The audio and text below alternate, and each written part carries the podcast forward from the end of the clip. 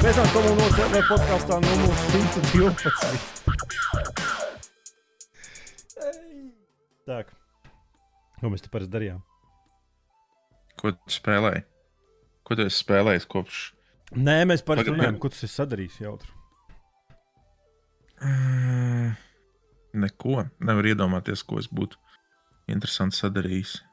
Kā man liekas, pagājušajā gadā kas bija? Izteicu, izteicos slikti par, par pirmo underground. Tas nebija slikti. Tas bija tā, kā ir. Nu. Neko jau savādāk nepateicu. Domāju, ka tas beigās gaidījis, ka uzreiz, ka viss skries ar. Jā, tāpēc, ka tu teici, ka tā tavu mīļākā bērnības spēle, un man arī bija viena no mīļākajām, un tagad es sapratu, ka es nezinu, varbūt es esmu pārāk prasīgs palicis, vai arī pārāk nezinu, viss slikti. Nu, Nav bet vajag grūti izbaudīt to spēli. Nu, tā dara kāda. Man patīk, viņa, tāpēc, ka viņi tupa. ir. Es godīgi pateikšu, ka strīmā spēlē es varēju ar vienu acu skatīties uh, čatā ar vienu spēlē un vispār. Ķipa, tā tā Jā, ritmā. bet tajā pat laikā tur tās, uh, kā jau es minēju, tās problēmas, ka tur nedaudz kaut kur aizķeries, un viss, nu, tu vari sākt no, no sākuma sacīkstas. Un... Nē, bet, uh, tas ir pēdējā aplī. Pārējos apļos tev tur tāds rubber bendings ir, kad, nu, bet viņš uz abām pusēm darbojās. Nu, ķipa, tā gumija stiepjas uz abām pusēm. Arī, ja tu aizmugurē, pēdējā aplī, ja tu ieliec tur līkumā, pa visu tur bez variantiem, jā, tur, tur uzreiz reizē. Tur. Bet es, uh, es, man liekas, arī biju ielicis uh, fragment, kur tieši otrādi, kur es pēdējā aplī, tur nezinu, 20 metrus pirms finiša ielikos kaut kādā stūrī, un tāpat izdevās uzvarēt. Uh, jā, tā ir fizika tāda, ka, piemēram, ja tev tās pretinieku mašīnas ir blakus, ir, uh, tad viņas var ietriekties uh, mierīgais iedzīvotājs. Ja viņas ir kartē kaut kur tālu, tālu, viņi neietriecās. Viņi tikai neeksistē. Viņi vienkārši kartē eksistē. Mhm. Nē, nu, nu, tas- Es saprotu, ka bērnībā jā, to nevarēja saprast. Tagad jau, zināmā mērā, kad tu izspēlē septiņas tādas spēles pēc kārtas, jau jaunākajā Need for Speedā pilnīgi tas pats ir. Mm -hmm. Bet jaunākajos, man liekas, viņi ir. Uh, lai gan nē. Es neesmu jaunākos spēlējis. Man liekas, jaunākais Need for Speed, ko es esmu spēlējis, ir Carbons. Tas nav jaunākais. Nē, nu tas ir tas jaunākais, ko es esmu spēlējis. Un Carbons iznāca kurā gadā? 2006. Okay. Tā kā es vismaz dažas Need for Speed spēles esmu izlaidis. Nu, pēdējo Forza labāk. Onbound spēlē, labi, tur varbūt nebija tāds rubber band, bet nē, tur visās trīs spēlēs ir rubber bandings, tur bez variantiem. Nav ko. Mm -hmm. Need, for, Need for Speed jāspēlē ir tikai tāpēc, lai tupi brauktu un klausītos mūziku. Ja viņa patīk, ja viņa nepatīk, nu tad, tad viss. Nē, mūzika vēl, vēl joprojām patīk. Pat ja daudzas tās dziesmas galīgi nav mans, mans mīļākais žanrs, tas soundtracks. Soundtracks vienmēr paliks, paliks sirdī tuvs. bet es saliku skāpi uh, vakar. Liku kopā četras stundas. Es esmu galvenais un saprotu, kā furnitūra uh, strādā, nu, kā visi tie dzelži strādā. Uh, lai saliktu skāpi, tev vajag uh, trīs istabu dzīvokli, lai varētu visu izlikt uz grīdas. Nu, kas tas par skāpi? Tas ir pat nezinu, Antresals tur trīs durvis. no IKEA vai, vai kaut kāds jusks. cits? Oi. Es, karoči, ne, es nezinu, kā mirstīgais to var salikt. Vienkārši, vienkārši rokas lupatās. uh, Nevar iedomāties. Ir kaut kādā vienas tādas dzīvoklī, kur tev jau mēbeles ir un tev pēkšņi jāieliek tas skats. Ir. Viss slikti. Nu, es esmu ievērojis, ka pat ar kaut kādiem IKEA skāpiem vai vienkārši no IKEA mēbelēm viņas it kā ir ļoti vienkārši salikt. Instrukcijas tur vienmēr ir ļoti labas, bet uh, vienmēr sanāk tā iesvīst. Liekas, ka būtu normāls treniņš uztaisīts. Liekas, tu vienkārši saskrūvēji kaut kādu skāpu, kaut kādu kumodi. Bet uh, tāds normāls, normāls treniņš sanāk. Nu, jā, nu es nu, tur atvedu četras pakas, drusku sauc augšā, palīgā, lai viņš man balīdz uzstiept augšā. bet sk- Skapis vienkārši. Brutāli. Nu, nezinu, jūtos, kā- jūtos kā tēviņš parādīja mātītēm, kā vajag salikt mēbeles. Nu, jā. Bet, nu, katrā ziņā baigi grūti. Nevar iedomāties, ja tu nekad neesi līdz mēbeles, un pirmais, ko tev iedod šī tāda, tu salikt, ir vēlu veiksmi. Nu, jā. Nu, jā, man jau ir pieredze ar IKEA mēbelēm. Dānijā jau viss tikai IKEA bija. Es tās IKEA, nē, mēs jau, jau nav. Tas jau Rīgā. Mēs jau tur Jālgavā no laukiem aizbraucam uz Jālgavu. Tuvākais jūskas ir, kur iegādāties. Nu, jā, Rīgā jau arī jūskas, ne, bet IKEA ir nepareizajā Daugavas pusē. Fuic. Jābrauc, jāizbauda dau, tas Rīgas, Rīgas satiksme lieliskā. Es nezinu, tā, tā kā mēs runājam, ka tu braukā uz darbu. Jā, viens. Mums, mums dobelē jau te vakaros, pie, piecos, vakaro, piecos vakarā ir vienkārši. Es nezinu, kur tie cilvēki brauc un ko viņi dara. Un vienkārši tu neesi pieredzējis. Jo parasti tu brauc krustojumā, tur divas mašīnas stāv. Bet tagad vienkārši mm -hmm. līnija tur 300, 400 metri stāv. Kas Rīgā tad darās? Ja visi pēkšņi izdomājuši, ka viņiem vajag otru auto. Man jau Rīga īsti nesenāk. Man Tad sanāk tikai liepais šosei. Ah, nu tā jau jā, bet nu. Nu, tur līdz kaut kādam vienam lielajam krustojumam ir vairāk mašīnas, un pēc tam, un aiz saldus, no saldus uz kuldīgu vispār nekāda satiksme nav. Tur jau neviens Tikai nedzīvo. lido un turies pie stūres. Ā, par mašīnām runājot, es, ko man vajadzēja? Ah, man gultnis sāk gaudot priekšējais kreisais. Mhm. aizvedu mašīnu uz servisu. Un uh, jau iepriekš, kad es pieteicu mašīnu, ka man vajadzēs nu, viņu labot, es kaut kādā, nezinu, trešdienā zvanīju, un tad uz pirmdienu varēju paņemt. Jau pa telefonu sarunāju, jā, nu tad vienkārši pacels, paskatīsies, tur, uh, kurš gultnis ir beigts, un nu, kas vēl piekarē, varbūt kaut kas jāmaina. Uh, un tad, protams, nu, piezvanīs man, izrunāsim, jā, cik tas aptuveni var maksāt, kas tur jālabo, kas ir, kas ir uzreiz, kas nav tik kritiski. Un tad es pasaku, nu, jā, ok, darām, un, un tad labo. Aizvedu mašīnu tajā pirmdienā no rīta uz servisu. Tur to pašu teicu, jā, nu tad es tev zvanīšu pa dienu un, un, un pateikšu, kāda ir situācija. Nu, kaut kādos, nezinu, divos, trijos, es domāju, nu, baigi, baigi vēl tas pa dienu viņam sanāk. Kaut kādos, nezinu, pusčetros man zvanīja. Ah, jā, mēs tev gultni nomainījām, jā, kreisais gultnis bija uh, beigts. Es tā domāju, nu, labi, nu, tas tāds, nu, nevar tā vienkārši braukt ar beigtu gultni. Jā, tad mēs skatījāmies, jā, tā veļa bija pie, pie apakšējā jau līmeņa. Tā domāju, nu, vecs bēns, nu, protams, ka eļļu, pie, pie, nu, eļļu viņš nedaudz ēd. Bet uh, es neko par eļļu neteicu. Un uh, man bija gabarītam viena lampiņa izdegusi. To es arī būtu pats nomainījis. Un to viņi arī nomainījuši. Es tur jau pa jokam tur teicu, nu, ko nu skrūvē ārā. Neļa arī sūc ārā. Bet, jā, tāda drāmīga attieksme. Nu, man liekas, tas tā. Paņēma, kas viņam, bet servis, nezinu, mums doblē servis, servisiem darba netrūks. Ja tu viņiem pateiksi kaut ko nedarīt, viņi labprāt to nedarīs. Man liekas, ir īpaši tas kaut kas tāds čakarīgāks. Nu, es, es jau viņiem šeit neteicu, nedarīt vienkārši. Es, man tas liekas pašsaprotami, ja tu, ja, ja it sevišķi, ja ir jau sarunāts, ka viņš apskatīsies, nu, servis džeks apskatīsies, tad piezvanīs, izrunās, kādas ir lietas, ko, ko, ko uzreiz mainām, ko, ko vajadzētu tuvākajā nākotnē. Un tad es kā klients pasaku, to, to, to mainām, to, to varbūt nē, un viss. Un tad viņi ķerās pie lietas. Bet ne, viņš samainīs to un, un, un pieķēries kaut kādām lietām, ko, ko, ko viņam neviens nav prasījis. Nu, bet nav. Es nezinu, ja, ja es būtu tur kaut kāds pilnīgs, nezinu, vai viņam tiešām radās iespējas, ka, ka man, ne, labi, man ir abas rokas kreisās, bet varbūt viņ, viņam likās, ka es pats eļu un tādas lietas nemainītu. Nu, mūsdienās jau es jo man, nezinu. man arī man nepatīk taisīt, taisīt tur ko, kokteili motorā.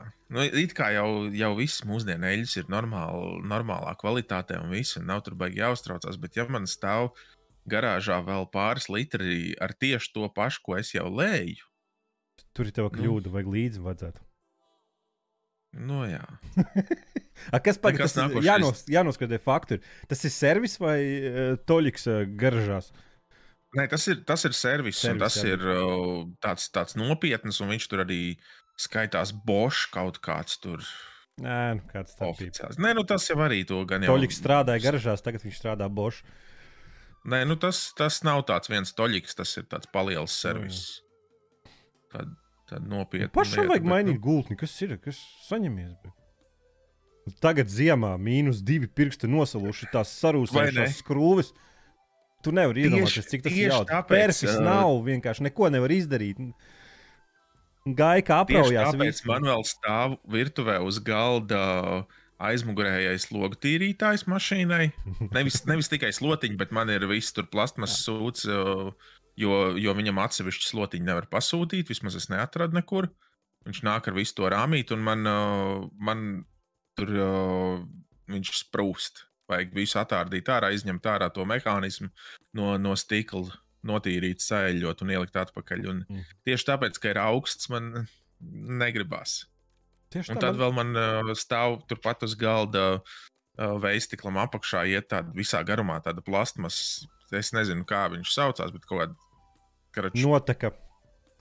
Jā. Un uh, esošā ir uh, jau, protams, kā jau vecajai mašīnai, ir saplaisājusi. Un, kad man veistikli bainīja, acīm redzot, viņu, viņu kārtīgi neielika, un man uh, gar veistikli tek uz leju. Un tieši nu, zem kapota, uh, tieši pie veistikla apakšas, sanāk uh, salona gaisa filtrs. Un tur vienkārši tek viss, viss ūdens iekšā un baigs viss ciet. BMW. nu, labi, jā, tur Normāli, detaļas nu, saplīsīs. nu, bet tā ir veca mašīna. Nu, Viņi jau tos redzēju, ka mašīnām servisās viņi tos plasmas, viņi kā ierauga plasmas un tā reiz jebkuru stūra bara un.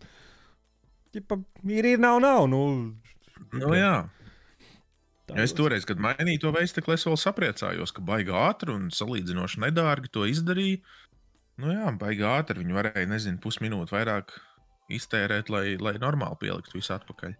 Bet arī nevar zināt, varbūt tev tur bēnbim tas motors jau liels ir. Tev varbūt kaut kāds siltums visu laiku uz tā plasmas nav. Tad viņš izžūst, viņš vienkārši ir. Man mazdai bija konsola tā vidējā. Es vienkārši varēju tā kā, tā kā krekeri viņu lauzt gabaliņos. vienkārši. Es nezinu, no saules vai no kā vienkārši tas plasmas. Bet Nu, labi, man domāju, tas plas, tā, cits tā, gads tā plasmas viņi ir no, no saules visticamāk, jo viņi sanāk tieši tur, kur uh, arī uh, logtīrītāji stiprinās. Nu, arī vecs Un mašīna. tad man vienkārši visu logtīrītāju jāņem no tā plasmas un Tev būs interesanti. Man viens logs tīrītais priekšā nestrādā. Olviķim. Es, ar, ne, es, ne- es netaisos tagad garažā mīnus divos grādos. Iet. Es braucu ar vienu tikai. Bet tas ir nu, Vadītāji. pusē. vadītāja pusē. Jā, tā kā viss kārtībā. Otrā pusē visu laiku netīrs. Jā, viens es nelīdīšu tur mīnus divi grādi. Pirksti atsaluši. Tas vispār nepakā. Kaut kāda sildītāja garāžā ieliec. Bļāmens. Es, es esmu vienu ziemu padarīju, sapratu, tas nav to vērts. Tas nav to vērts. Labāk tad vasarā mm, ies saspringt un izdarīt to siltumā ar varām durvīm, putniņu čivinu. Mhm. Kaimiņi pienāk ar aliņu rokā, par papļāpā, un tad tu gaidi, ka viņš aizies prom, jo tev zveja balva plāpāt, un tu gribi vienkārši iet kaut ko padarīt. Bet nu, tam tas šarms kaut kāds ir tāds, you know? Ot, Par to es uztraucos, jo tajā garāžā, kur es visticamāk to darīšu, tur arī tieši blakus ir tāds kaimiņš, kurš arī ieļurina un tad nāk, nāk runāt. Un es tur baigi daudz neesmu darbojies. Tur mans brālis parasti savu, savu priecīgo opeli skrūvē. Un, uh, viņš stāstīja, ka tur arī jā, tam džekam ļoti patīk runāt. Un, kad viņš ir ieļurinājis, tad vispār neko nevar saprast, ko viņš tev saka. Un, Jauts pasākums. Jā. Jauts pasākums. Nu, Suni vai kaut kādu. Lai skrien virsū. nu, jā, Nu, labi, ko tu spēlēsi par šiem diviem mēnešiem? diviem. Mēs jau kad Šogad, ā, decembrī. šogad nebija laikam neviens podkāsts. Ne? Janvārī, kad mēs divi decembrī pagājām. Kur mēs varam pastīties? Man liekas, decembrī bija. Ne? Varētu tā Mm. būt divi mēneši atpakaļ. Jā, man rāda divi mēneši Jā. atpakaļ, bet datumu nerāda, jo datums nav svarīgs. Uh, Witcher trešo. Ah, pareizi, Switch ar pirmo izgāju. Labi, ka tu man atgādināji. Es pirmo, otro laikam tomēr tā arī nemēģināšu.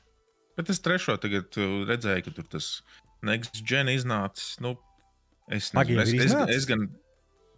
Jā, Ah, ok. Varbūt bet uh, es tur nejūtu baigās izmaiņas. Nu, labi, man, kad es skatījos, man pēdējais kaut kāds save games bija no 17. vai 19. gada.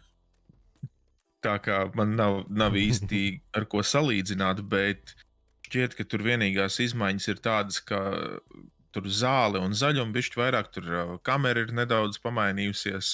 Jo, man liekas, oriģināla kamera bija tieši aiz personāža, tagad viņa ir tāda, nu, nedaudz no sāna. Tā kā, ja tu spēlē, un tev personāžs vairs nav pa vidu, viņš ir kaut kur tā.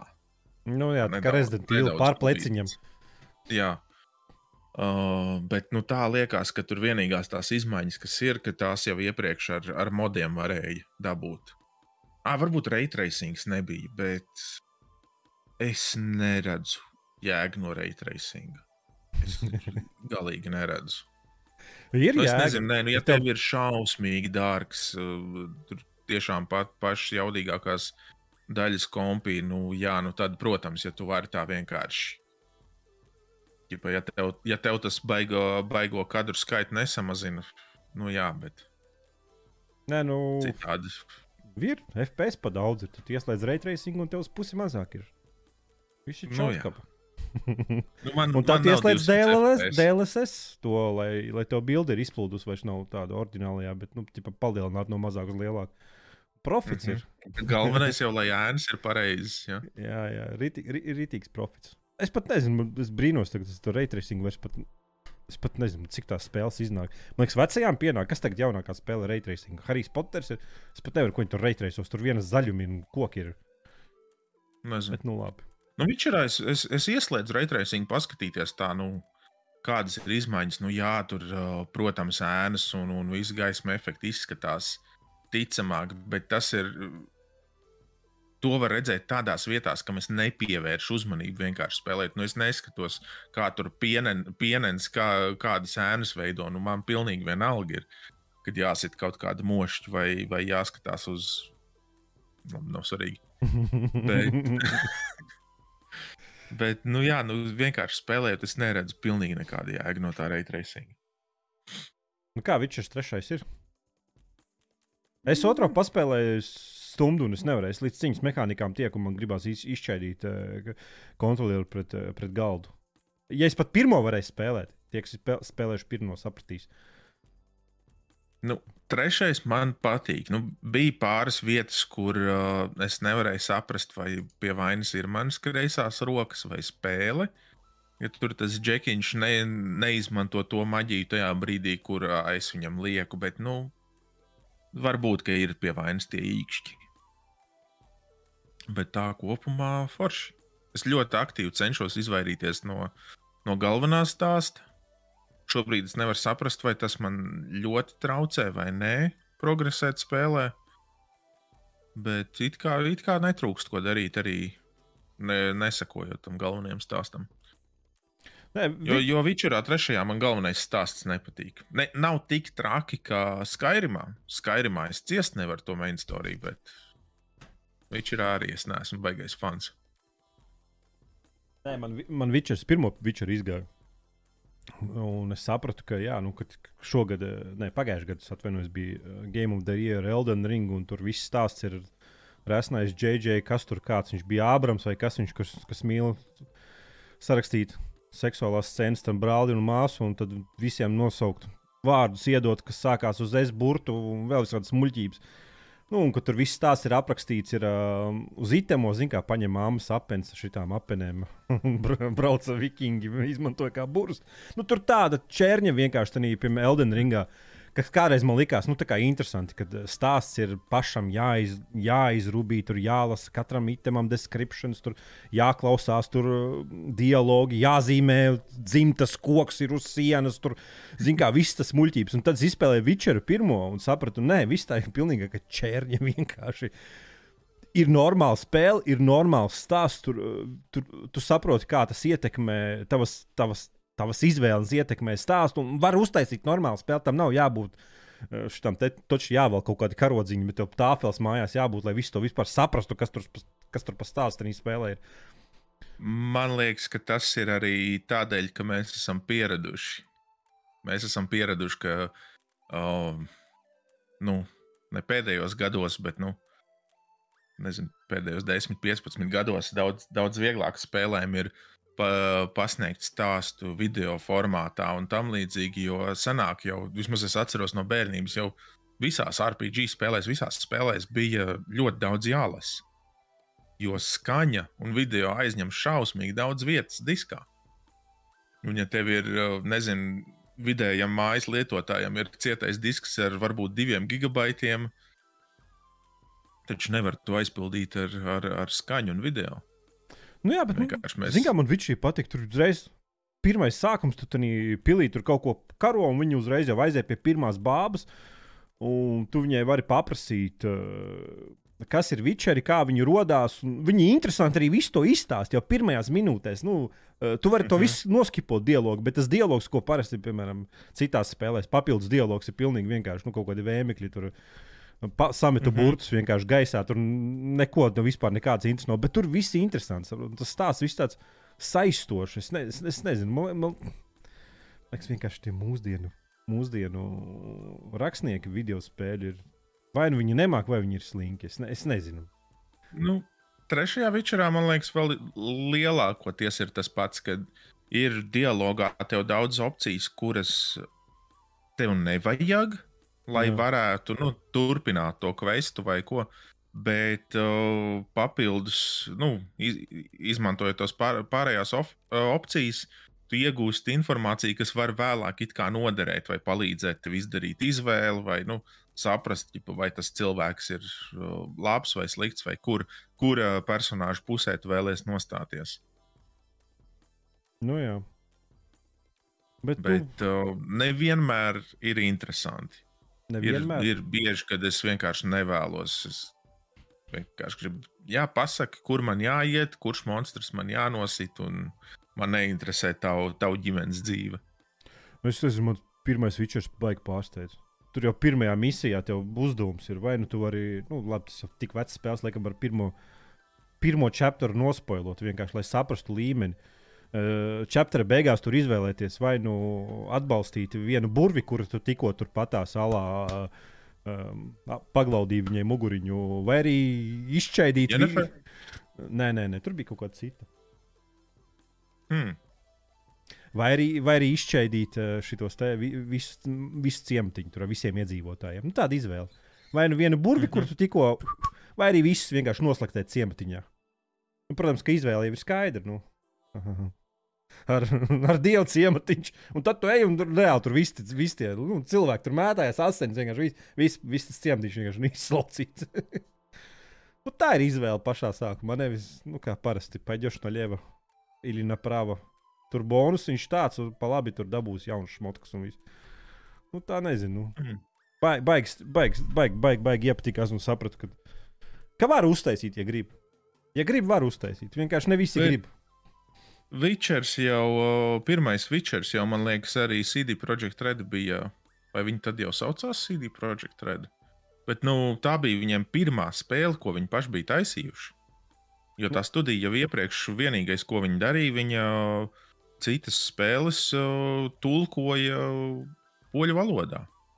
Pielāgoja poļu tirgumu, ja es pareizi atceros. Un tad Witchers bija pirmā spēle, ko viņi paši izstrādāja. Nē, tā varētu būt. Tāpēc, ir... tāpēc tur arī bija tās interesantas mehānikas. Un, un es esmu skatījies kaut kādus, kaut kādus video, kā arī tur uh, cutscene izskatās tādi, nu, nu tā. Nu, tur tā visa spēle ļoti interesanta. Es nezinu, kurš izdomāja to cīņas mehāniku, bet, nu, jogurtu viņam par to rokās vienkārši. Nu, es, ne, es, es nezinu, kaut ko tik, kaut ko tik tīzlu var izdomāt vienkārši. Viņš, tu vienkārši visu spēles garumā spēlē un vienmēr atceries. Jā, šis ir joprojām debīli. Par izspēles beigās joprojām debīli. nu, pilnīgākais. Nu, ar, treš, ar trešo spēli viņi saprata, kā, kā ir jābūt lietām. Nu, tā jocīgi, jā, nu, otru es paspēlēt nevarēju vispār. Es pamēģināju, saprat, es sapratu, ka uz, uz, uz īziju viņu nevaru spēlēt. Nu, tad kāda man jēga spēlēt spēli uz īziju un vienkārši tur divas pogas piespiest, lai visi pretinieki nu, nomaļ. Un uz hārda tas cīņas mehānikas bija tādas, ka, nu, ķipa, nē, ķipa nav iespējams. Mm -hmm. es, es nezinu, kā.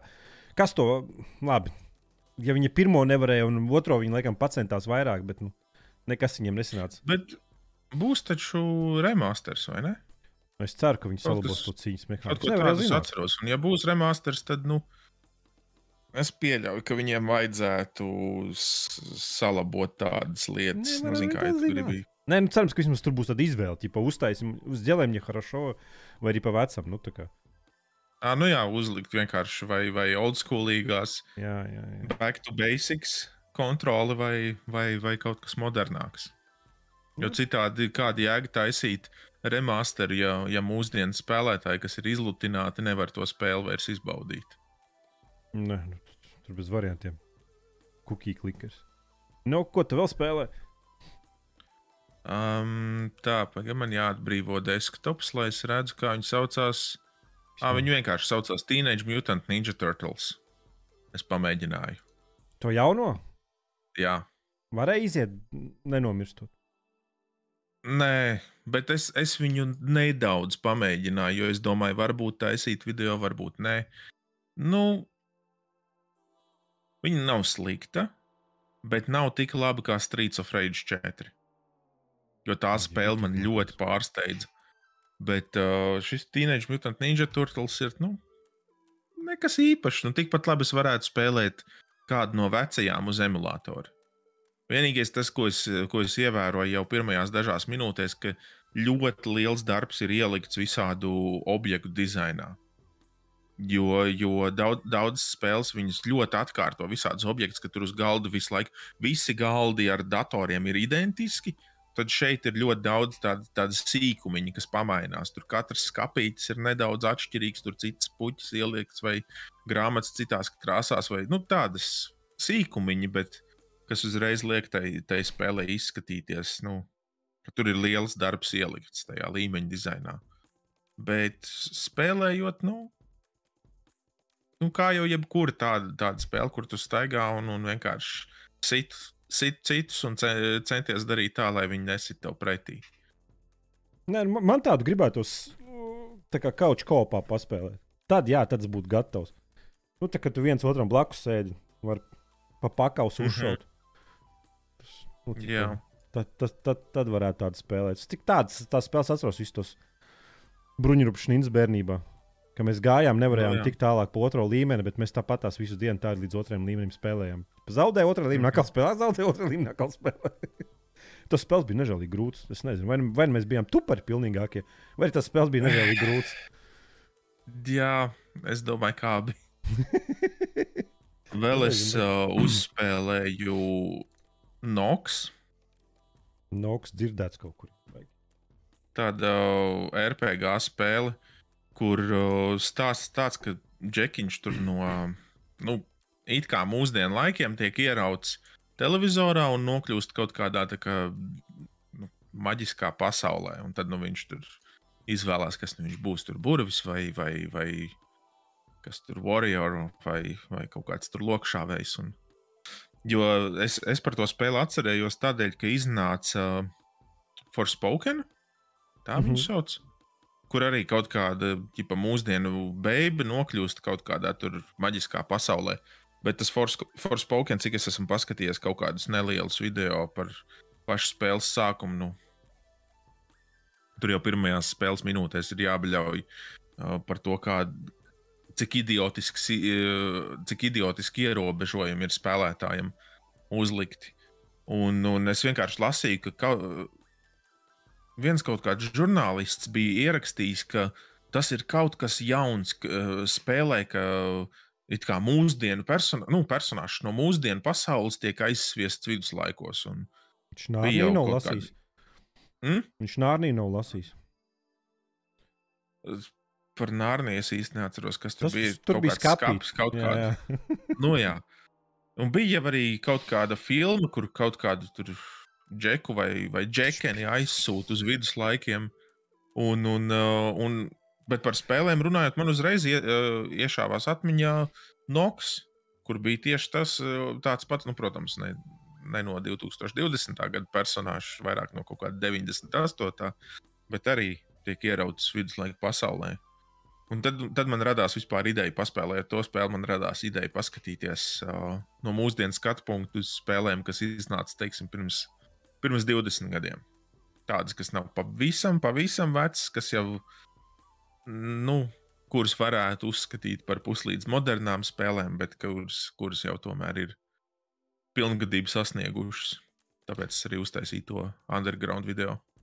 Nu, par to stāstu runājot, ja, ja tu esi kaut kāds žurnālists, kuram tagad ir kaut kādi 27 gadi, nu, tad, tad nu, vai, vai, vai pat mazāk, nezinu. Tā var būt, ka tev liekas, ka tas ir kaut kas unikāls. Nu, tāds nu, stāsts, ka tev ierauj tur nākotnē, tagadnē, vai tu no rīta piecelies, un tu pēkšņi esi meitene, vai otrādi ir. You know, katru gadu iznāk tādas filmas. Ir tik klišejiskie no, stāsti, un tas ir pilnīgākais. Bet, nu, Nē, nu, protams, es saprotu, ka ne visiem ir. Nu, katram jau ir cita, savu pieredzi ar spēlēm. Nu, tāpat, es nezinu, mēs amerikāņiem, kādam amerikāņu žurnālistam paprasīt, vai tu, vai tu zini, kas ir žilitons? Mm -hmm. Simt punktu viņi nezina.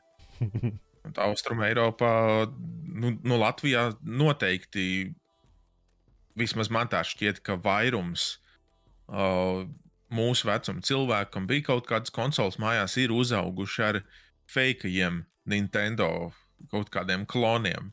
Vai nu tas bija Žilitons, vai arī tie, kas bija o, tie kloni, kas o, Playstation 1 izskata kastītē, kur jau attaisno to vāciņu, kur it kā diskam būtu jābūt, bet tur tu kaseti var ielikt. Stilīgi.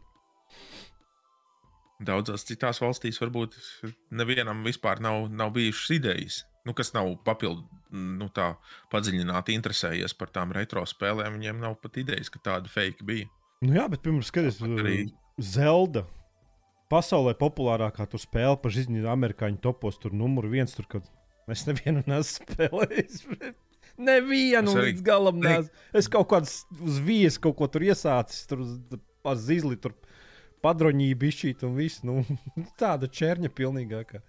A, viņiem Es, tur tas kultūras kaut kādu- es, es uz kaut kādu emulātoru esmu pamēģinājis, bet neko neatceros no tām spēlēm. Tā, jā, tā jocīgi kaut kas. Nu, ko vēl spēlē? Uh, Es nezinu, jāskatās, kas man Steamā ir. Ko Steams saka, es jau neatceros. Tāpēc vajag pierakstīt. Es domāju, man arī vajag, man vajag pierakstīt. Jā, jau tā kā jāmeklē, tā jau nav ko tur. Steams saka, neko citus neesmu spēlējis. Neko tā nopietni. Kaut kādas spēles no, no, no, no vecajām esmu uzinstalējis, atvēris, pamēģinājis. Un, Uh -huh. Un aizvērs. Jā. un, tipa, jā, jā es, es uztaisīšu noteikti kaut kādu. Kaut kādu apskatu, vai kādu video, vai ko. Un, nu, jā, tā viņas arī paliek. Tā arī krāja putekļus. Tas jau Tas tā kā, bez, normāli. tā kā epigēmos bezmaksas spēles paņemt. Un nekad viņas nespēlēt, bet nu, galvenais paņemt. ir.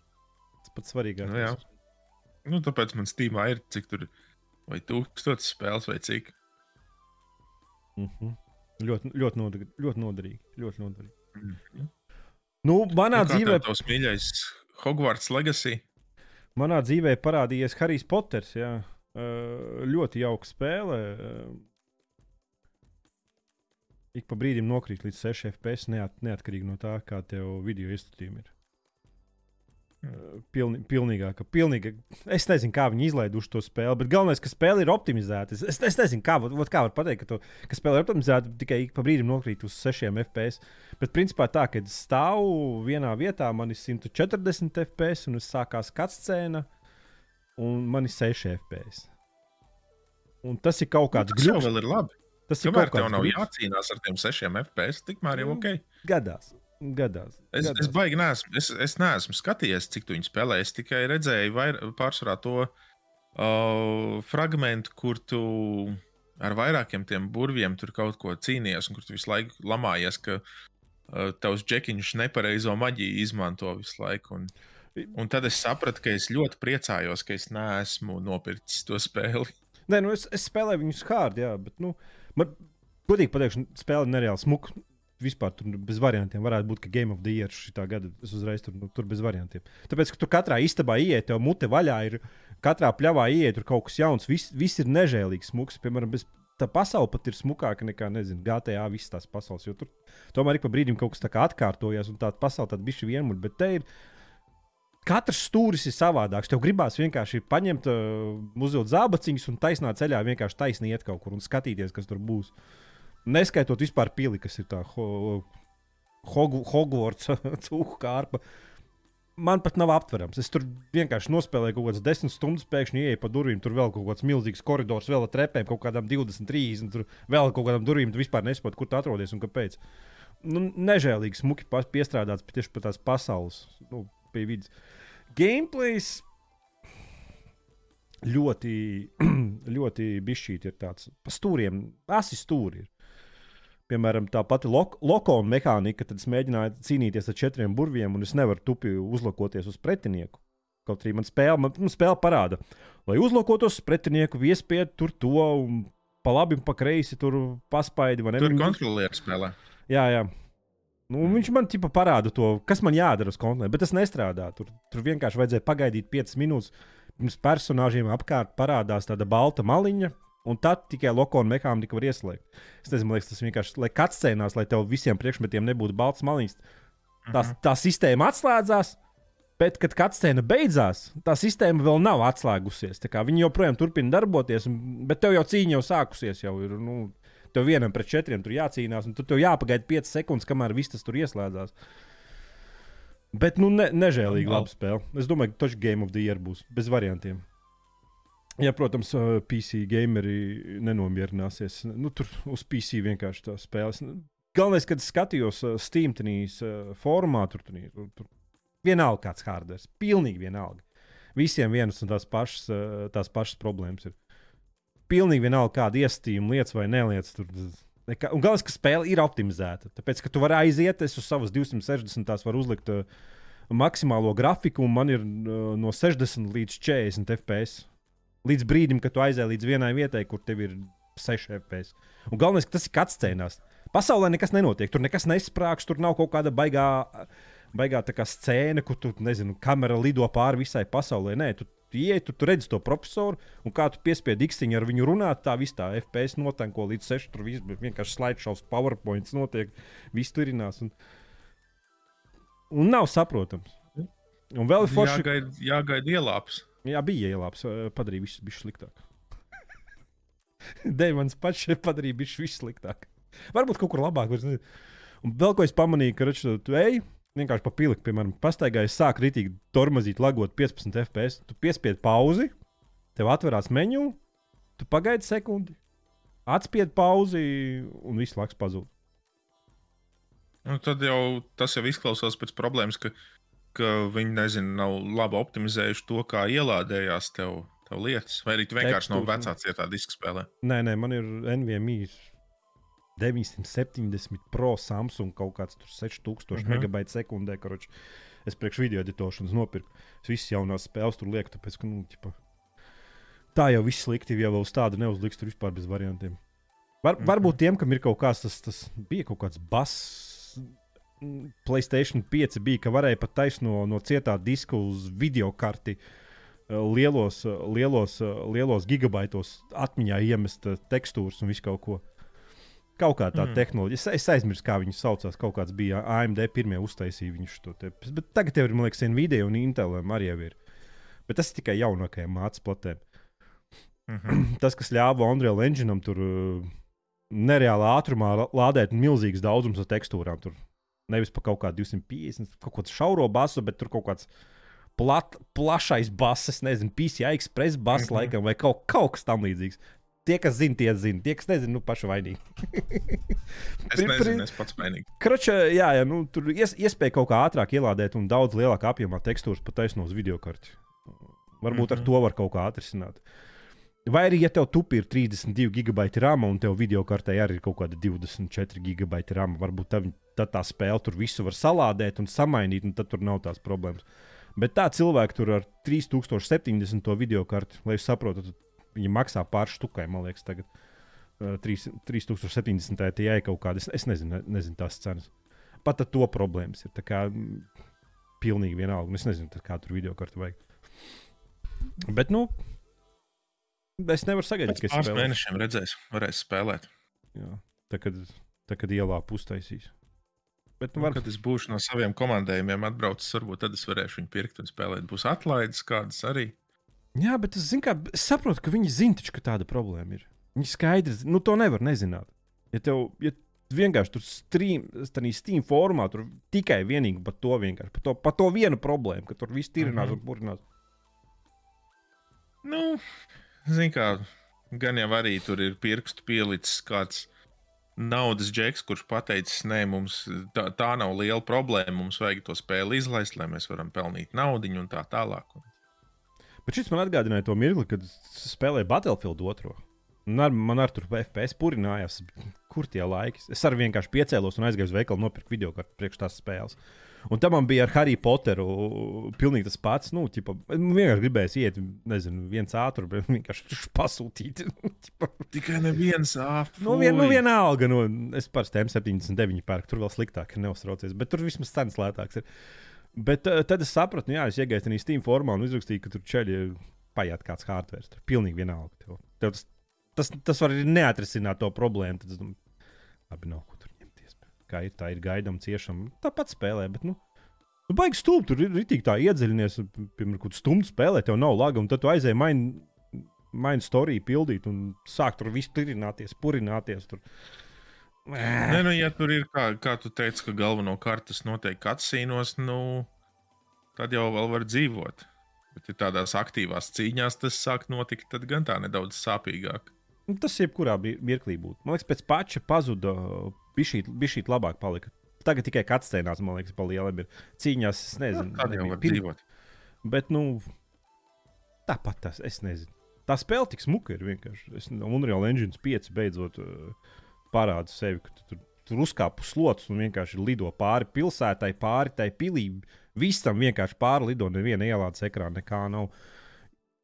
Pirmā spēle, kur durvis uh, 99% viss ir var atvērt. Nu, Izņemot, ja tev tur priekšā ir kaut kāda pumpiņa, uh, ka tev nav kaut kāds līmenis. Tur es, ne, es tā arī nesaprotu, es neesmu ticis tik tālu, jo tur tutoriāls noteikti ir desmit stundas, cik es saprotu, vienkārši, lai tu tik, tik, tik, tik mm. -hmm. spēlē. Bet tas, ka tu aizlido uz pilsētu un visās durvīs var iet. Tupi visās durvīs ej iekšā, visur va- varēs vaļā un iekšā ir dekorācijas. un Tur, nu, mm. -hmm. Tas nav tukša māja, tā kā vičerī, zina, kā trīs galds un gultas stāv. Tur nu, galds un Nu, gultas stāv un kaut kādas tur vāzes. Nē, tu katrā mājā ieej un tur ir. arī jau arī it kā ir daudz tās mājas, kur tu vari ieiet, bet tajā pat laikā tur viena māja, kur nav nekāds kvests, kur ir vienkārši tukša istaba, tu vari ieiet, un tad blakus ir uh, piecas durvis, kurās tu nevari ieiet. Jā, Bet nē. tikpat labi būtu varējuši vienkārši kopijas to, to istabu. Tas bija tāds rītīgs pārsteigums. Jo tā, man liekas, tāda pirmā spēle, kur, kur tu visas durvis tā var atvērams. Es, protams, nezinu, nu, tur, tur kaut kādas durvis, kurām ir tāda tā kā pumpiņa priekšā ar atslēgu. Tur kaut kādu levelu vajag. Level 1, level 100, 111. Es nezinu, kas tas ir. Bet ļoti daudzās, ļoti, ļoti palielam visās durvīs vienkārši tupēja iekšā. Visi ir nu, tur dekorācijas, visi smuki pastrādājuši. Bet, nu, Tas ir, nu labi, tas man liekas būs uh, nedaudz vienā jautājumā no DJI par šo, bet tas izklausās pēc ļoti laba, laba spēles pasaules dizaina, kas, kas labāk nekā dažas citas tehnoloģijas piesaista spēlētāju, nu, rada spēlētājus vēlmi vairāk spēlēt. Un nevis, nevis tieši pildīt, pildīt kaut kādas quests, bet vienkārši izpētīt spēles pasauli. jā, es, Tas, es, ir, tas ir ļoti svarīgi. Man galvenais, ka es neinteresēju, es godīgi pateikšu, tas stāsts ir diezgan dumšs vismaz pagaidām. Bet tas Mm. pilnīgi netrauc. Tas vispār man ne- neinteresē. Tur kaut kādi troļi kaut ko nozaguši. Es esmu izradzētājs, ka pazīstinu, nu, you know, Nu, protams, nu, tu vienmēr esi izredzētais. No, no nākotnes iekļuvu pagātnē, un vēl viss vis šis te viss. Tas, tas, tas, pa lielam- Nu, es varbūt tālāk tas stāsts paliks labāks, bet, nu, pa lielam tur. Nē, nē. Ne, nezinu. Apkārt staigāt, un muļķības darīt, un kaut kādas tur, tur ļoti daudz tādu noslēpumu, mīklas, kaut kādas, kaut kāda tāda sīka kvestiņa, saikvestiņa, maziņa. Tur pilns ir vienkārši ej un vācīgs un daries un ņemies. Tā kā tas galvenais nu, kvests neinteresē. Tā, nepildot to galveno kvestu, tu tāpat vari izpētīt visu to spēles pasauli. Nu, ja neskaitot tās durvis, ko tu minēji. diezgan sarežģīti. Tādā ziņā, jā, tev var. Tev, vot tas man besīši tajā spēlēs, ka tur varbūt tu ies un tev vajag kaut kādu burvestību, lai tiktu kaut kur, kuras tev vēl nav. Vai, ka, vai kaut kādas iemaņas, ko tev tikai galvenajā kvestā tev iemācīs. Kā tev tās opcijas tad- ir mazāk. tad- Tad to Hogwarts legacy tu tagad nevari tā vienkārši iet, kur tu gribi. Nē, Tev tev, ir- tev kaut kāds tutoriāls jāizpild. Ir. Tev kaut kāds tutoriāla daudzums ir jāizpild, lai tu, lai, lai tu dabūtu vismaz kaut kādus basic skillus. Jo sākumā tev pat, liekas, pat burvestības nav uzbrukumam. Es, es neatceros, kā tur bija. Vai varbūt viena tev, ah, nē, viena tev vispār defaultā visu laiku ir. Tev vajag Mhm. kaut kādu kitu savākt, kaut kādus priekšmetus, skillus, iespējas tev savākt, un tad tu vari doties pa lielam pilsētam. Bet, nu, tāpat tās arī var pastaigāt. Neteiksim, ka tur daudz kas ir aizslēgts. Un kā tur ir ar uh, pretinieku līmeņiem, vai tur, tur ir kaut kāds scalings, nu, ķipa, ka pretinieki vienmēr būs Es tā saprotu. līdzīgi tavam līmenim, vai tu vari ielīst kaut kādos krūmos, kur tev pretinieks vienkārši paskatīsies uz tevi un no tevis paliek slāpī peļķi. Nu, es tā nevaru pateikt, es skārtu spēlēju. Lielāko pretinieku es redzēju, man bija 18 līmenis, visur bija 20 līmeņi. Es, es nezinu, kā tas skēlojās, bet nu, katrā ziņā, ja tu tur, vismaz, kad es uz hārdu spēlēju, es pretinieks vilināja ārā, mēģināja no kaut kādiem mm, iežogojumiem, kur viņi ir pa vienam ārā. Ja tu tur ieskries pa vidu, tev ir kā nā, tur divi, trīs sitieni, un tu esi beigas. Vismaz uz hārdu. Mm. Nu, Bet, nu, es, man tādas spēles uz īzī spēlēt, es, es nevaru. Man liekas, tā ir naudas, naudas izmešana. Fuck, normāli spēlēt naudas izmešana. Es zinu, ka tev ir pretēji, bet nu, man baigi, baigi ātri garlaicīgi paliek. Ja es varu ieskriet un tur nu, hokus pokus, visi mirstiet ar trīs pogām un, un savāc lūtu un ej tālāk. Nu, kaut kā gribās tomēr pacīnīties. Vai tur ir opcija, vai tu tur vari grūtības līmeni jebkurā mirklī mainīt, vai vienkārši sāki? Ah. Bet uh, grūtais ir grūts. Nu, piemēram, man bija uzdevums no, vienam pašam pret četriem burviem. Un tur, nu, tur trīs, trīs, trīs, četri šāvieni pa tevīm, ja tu neiz, neizdara aptieciņu. Tu kā, un, tas, tad viss, tad tu esi miris. Un tur sanāk, ka minūtes piecas tev cīnīties. Un tev ir tikai kādas piecas reizes, tu vari kļūdīties. Nu, varbūt ne 5 minūtes, minūtes 3. Nezinu. Bet man liekas, ka tas baigi ilgi, tāpēc ka es tur pus, pusstundu daudzīju galvu par tiem četriem burviem, kamēr viņus uzvarēju. Bet nu pats -hmm. izvēlējos. Bet, ja es to nebūtu izdarījis, nebūtu tas varbūt spēles mehānisms tik kārtīgi izpratis. Tagad, nu, vismaz, kad tu esi pa, pamocījies. Nu, labi, ka tu vari mainīt to, to grūtības līmeni spēles laikā. Jo es arī Vičerā ievēroju to pašu, ka o, tur arī tu vari mainīt, protams, spēles, spēles laikā grūtības līmeni. Un, un tas ir labi, ja, piemēram, tu sāc kā, nu, nezinu, tu ilgi neesi neko spēlējis, vai vienkārši tur esi tāds, nu, miermīlīgais spēlētājs, un ar laiku tu saproti, tev uz īzī vairs nav, nav interesanti, un tu vari pārslēgties uz, uz grūtāku līmeni, ka nav uzreiz obligāti jāsāk no jauna spēle, no nulles. Un... Bet tas tev neie, nu, tu pārsteigsies grūtāk, tu liksies pa grūtu, un tad tu atpakaļ ieslēgsi uz īzī. Brāļs, man šī pārslēgšanās, es, ne, es saprotu, ka spēlēs, ka citiem to vajag. Jā. Bet es nevaru, man liekas, ka tas reiz tā ir tā tāda padošanās. Nu, ka tu no, no hārda Nē, nu es saprotu, jā, nu ir, ir, ir tās reizes, jā, ka tu tur spēlē visu laiku uz grūto līmeni. Un, liekas, nu jā, vienu bosu nevar, nu, nevar pieveikt. Un tad, nu jā, uz šo bosu es pārslēgšos uz īzī līmeni. Tas ir sevi šķītošana. Bet arī atkarīgs no tā, kāds ir grūtības pakāpes. Piemēram, citās spēlēs eh, grūtākā grūtības pakāpe ir vienkārši pretiniekiem jau vairāk dzīvības, un viņi stiprāk sit tev atņem vairāk dzīvības. Nu, jā. Tādās spēlēs, kur vienkārši uz kārtu uztaisīja, ka pretinieki ir vienkārši dzīvību sponži, kuros tu vari šaut vienkārši divreiz ilgāk, nekādas intereses tur par to nav. Bet, nu, Harijs Poters, jā. Welcome to the club. Hmm. Hokus pokus. Nu, jā. Leviosa un viss pārējie. Kā tu tur teici? Kāds tur lumos? to, to momentu es atceros, jā, ka tu biji ļoti, ļoti, ļoti lielā sajūsmā par tavu personāža maģijas izvēlēm. Tas kontrols ir uh, interesants. Ne tik interesants kā Vičerī, bet arī interesants. Nes, bet... neskaidrs. Tu visu laiku tikai ar kontrolieru spēlēji, vai tu pamēģināji arī ar peli un klaviatūru? Es domāju, nu, ka tas spēlē salīdzināt. Ar peli un klaviatūru ir daudzkārt vieglāk spēlējami. Stipra, Tāpēc, ka kontrolierī, man liekas, ka kontrolierī vaina var būt. Es neesmu, es neesmu pamēģinājis, tāpēc, ka es ar peli un klaviatūru nevaru paspēlēt, jo man priekšā ir stūri. Stūri jau vienmēr var noņemt. Nē, nevar. Nekādā gadījumā. Nevar, nu, labi, es atceros, kad man arī bija stūri. Tad uh, bieži vien bija, bija radās tāda sajūta, o, oh, varētu paspēlēt kaut ko, varētu pabraukt. Un tad es paskatos uz to kasti. Es saprotu, ka būs jāliek tas viss jāuzstāda. Nē, labāk, nezinu, paskatīšos YouTube. nu, jā, runājot par to stūri, tas tagad esmu simreiseris. Un viss, kas saistīts ar simreiseri, ir pilnīgākā kaka. Nevienam nekad neiesaku. Uh, tas ir vienkārši viss ļaunums, sliktums. Un, uh, Pirmkārt, jau ir stūris iegāde, jau ir vienkārši liels, liels pasākums, liels naudas aizņemšana. Tālāk to visu atrast, tā vietu kaut kur nolikt, tos vadus savilkt vienkārši. Uh, lai jūs saprastu, es vairs nevaru lietot datoru. Es, piemēram, ja es gribu kaut ko parakstīt, man ir jāpagriežās pa kreisi, aiz stūres, un es rakstu kaut ko šitā tēmā, šitā te jāraksta. Es mm -hmm. pēlēs, ne, ja es gribu kaut ko pēlēt un klaviatūru paspēlēt, tad man kājas krustenīski jāsēž tā kā tādam, nezinu, uh, budas mūkam ir, lai es vispār lietot varētu savu datoru. Un uh, vispār neiesaku. Tālāk, viss tas hardware katrā spēlē strādā savādāk, citās vienkārši nestrādā. Uh, Katru jaunu spēli, tu, kad uzstādīsi, tu pavadīsi vismaz stundu čakarējoties ar settingiem, plus mīnus, un citām tur ir vienkārši. Tur, Es laikam Forzā, Forzā pēdējā Horizonā, kas liktos, brāļs, un stūri vajadzētu atbalstīt, bet man ir atsevišķi jau shifters, age shifters.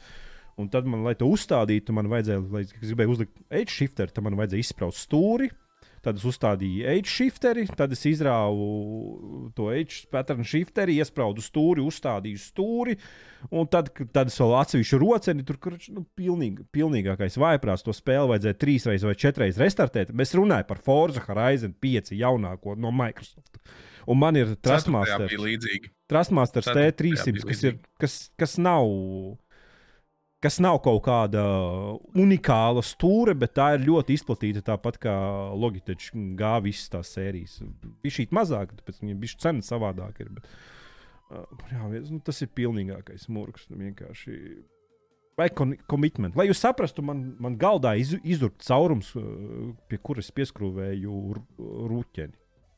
Jā, Vienkārši, bet, nu, vienkārši tas variants, piemēram, pie datorgalda stūra, ka tev beņķis kustās un katru reizi, kad pakustini stūri, tev viss galds vienkārši pa labi, pa kreisi, viss vibrē, monitors raustās. Uh, vispār nesaista. Un katru reizi, kad tu nopirksi jaunu sev hardware simracingam, atceries, ka ir arī labāka jau, kas ir jānopērk. Uh, jo šitā, kas ir, uh, kas ir man ir jau novecojusi, jau. ja tu sāc ar zobrutiem, pēc tam pārējo sikstām, tad tev vajag direct drive. Vienmēr, vienmēr ir kur naudu izmest. Bet, jā, viens. Tālāk, tālāk. Ar ko spēlēt? Brāļs, tā sim, simracing komūna ir vienkārši arī bija šī uh, normāls, uh, norm, normāla atmari. Labi, es, es salīdzinoši maz Nu, kad, es, eh, kad man bija stūris, es, es ar citiem nespēlēju. Es vienkārši solo tur kaut kādu saseto korsu, to pašu forzu, tad vēl bija ceturtā.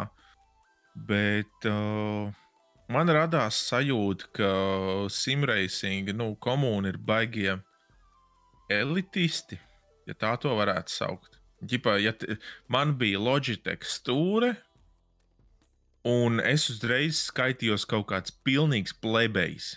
Jā. Pilnīgs pāķis, kuram vispār, kurš neko Jā.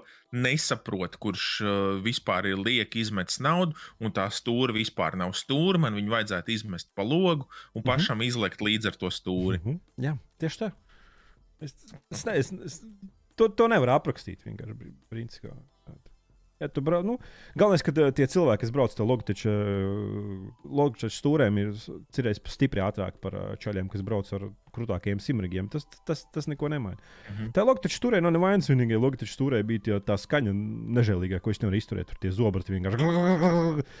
Un, no, nu jā. un driftojot, tur bija ātrums pamazs. Bet uh, tas ir tikai tāpēc, ka, ja tu nemāki driftot, ja tu māki driftot, tad tev nav stūri jāros pa labi un pa kreisi. Viņa lēzeni, nu. viss notiek un pilnīgi pietiek. Uh, Es pāris video biju paskatījies YouTube par to, kā cilvēki drifto tajā pašā forzā ar to, to stūri, kas man bija. Es sapratu, ka stūrei nav pilnīgi nekādas vainas. Tur ir tas pats vecais teiciens, ka sūdīgam dejotājam arī rieks traucē.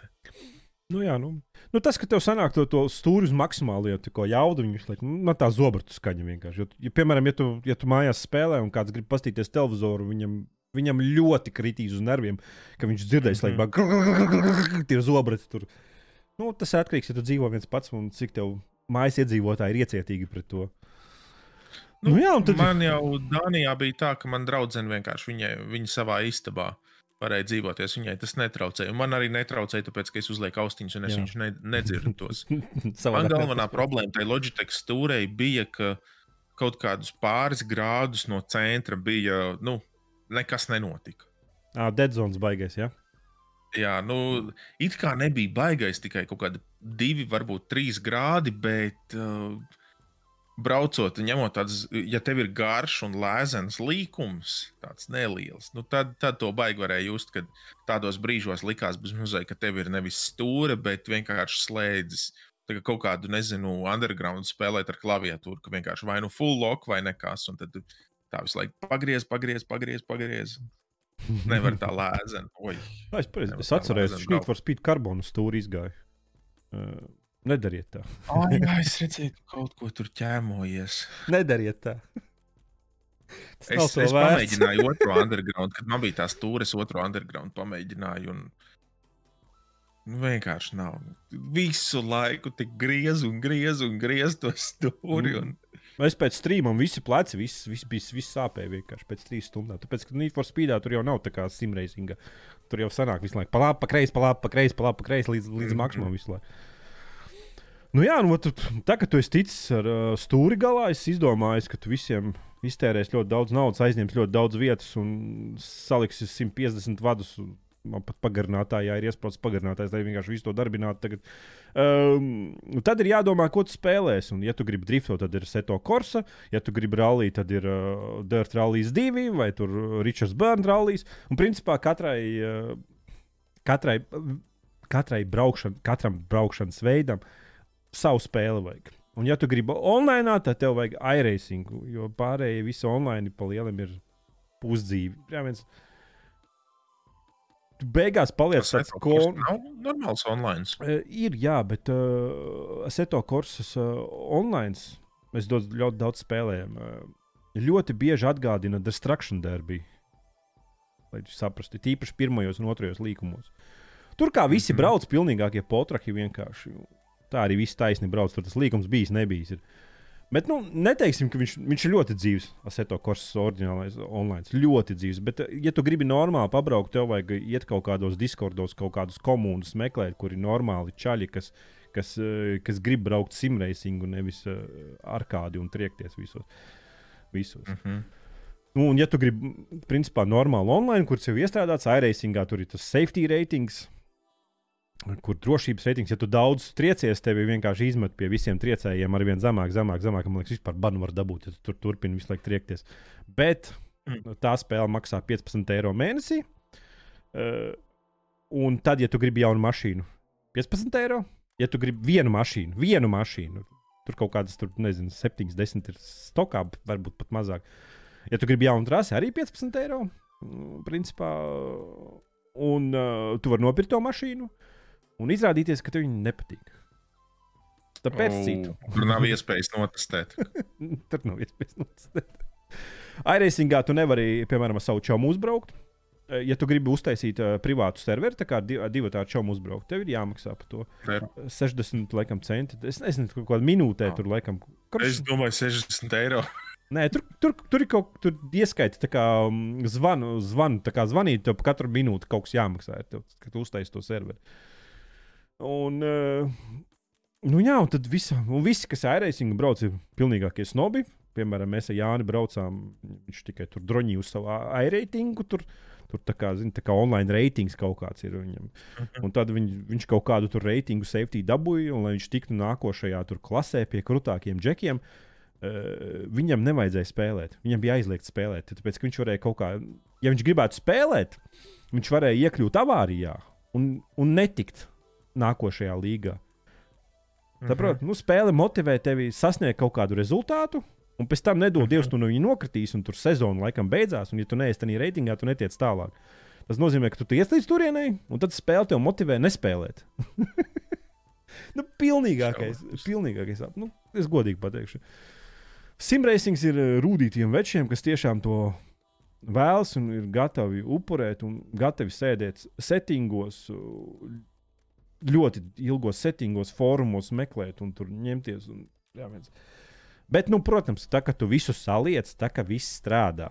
Tā kad mēnesis ir uh, uz 12 pūkstens un visi tur saules stari, visi precīzi. Tur, uh, visi čotka vienkārši, visi čotka. Nu, tad, tad ir, protams, prieks. Jā, mēs, mēs ar Jāni braucām kaut kādu trasi, vienkārši septiņus sapņus. Mēs, es viņam sēžu aizmugurē, vai ne? Tā kā mašīna pie mašīnas, un septiņas sapņus no vietas viņam nevar ne pietuvoties. Viņš nevar no maniem atrauties online. Nav, visu, nu, kad ka nu, tiešām, tiešām ir forši. Tad, tas ir tiešām patīkami. Tā kad viss strādā, bet nu, ļoti reti, kad strādā. Līdz tam ir jātiek. Vai arī, ja tu spēlē vienu spēli, nezinu. Bet, nu, kā jau teicu, kat katrai disciplīnai savs, savu spēli tev jāmeklē vienu online. Kas šim nevienam neiesaku? Man ļoti patīk. Es, mēs esam dienām dienām nospēlējuši Jānis divu tā online. Tur. Vai viens vienkārši tāpat tās, nezinu, paņem divas mašīnas pa Nurburgringu pabraukt. Baigi forši ir. Rītīgi, rītīgi forši ir. Tur tā paša var padriftot, un, nezinu, rallija var pabraukt. Rītīgi forši ir, bet, nu, bļā, viens. Baigais komitments. Nu, jā, un ja vēl kaut kādas tajā iRacingā, ja tur tās trases tik dārgas ir un viss. Bet nu, es pieļauju, ka, ja tu esi nopircis kaut kādu krūto stūri, lai tu varētu citiem bārdainajiem parādīt, ka tu esi īsts vecs, ka tu neesi kaut kāds pāķis no, no kaut kādas čūhņas, tad, tad jau kas tad tas ir? 15 eiro par mašīnu. Jā, bet iRacings ir nežēlīgi garlaicīga spēle. es negribu iet uh, vēl fizikās. Aseto kursi ir ļoti jautri braukt. Uh, mašīnas ļoti at, atsaucīgas, un tu vari paspēt noķert. Uh, lielākā problēma, laikam, ir, ka, pasp... ka tevi iznes, piemēram, tu vari paspēt viņu noķert. Airacingā ir tā, ka tu uzbrauc uz zāles, uh, vai tev bija šī cena, tu esi, visi, tu esi sienā aiziet. Tur kaut kāda jautrība nav atļauta. Nedod Dievs, tu izdomās airacingā kaut ko darīt, kas ir varbūt bijis šī jautrāks, kaut kā bijis savādāk, uh, nezinu, pabraukt ārpus trases robežām, visu uzredzēšanos. Tevis tur nav vairāk. es nezinu, kāpēc viņi uztaisījuši, bet tur, tur, tur ir baigi viss strikti, baigi, baigi, baigi viss strikti, ir, lai, lai būtu maksimāls simreisings. Nu, jā, nu viņi grib, grib realismu, grib simulāciju. Bet, jā, bet es arī tai fizikai nevaru piekrist, kas, kas ir airacingā. Es saprotu, ka viņiem tur. Ka varbūt viņi tā domā, ka tā mašīna brauc, bet tā nebrauc. Pirms, pirms tev mašīnas sanes, tu, tu, tu jau iepriekš vari, nu, ja tev nav MR2 tu vari stīpri iepriekš sajust, ka tev pakaļ iznesīs. Es pat tam mācīju, jo tas arī bija tikai līdz, līdz tam, līdz viņi tur rītošo bišķi, bišķi Jā, pielaboja. Bet, nu, iRacingā ir tā, tā kā MR2 visu laiku.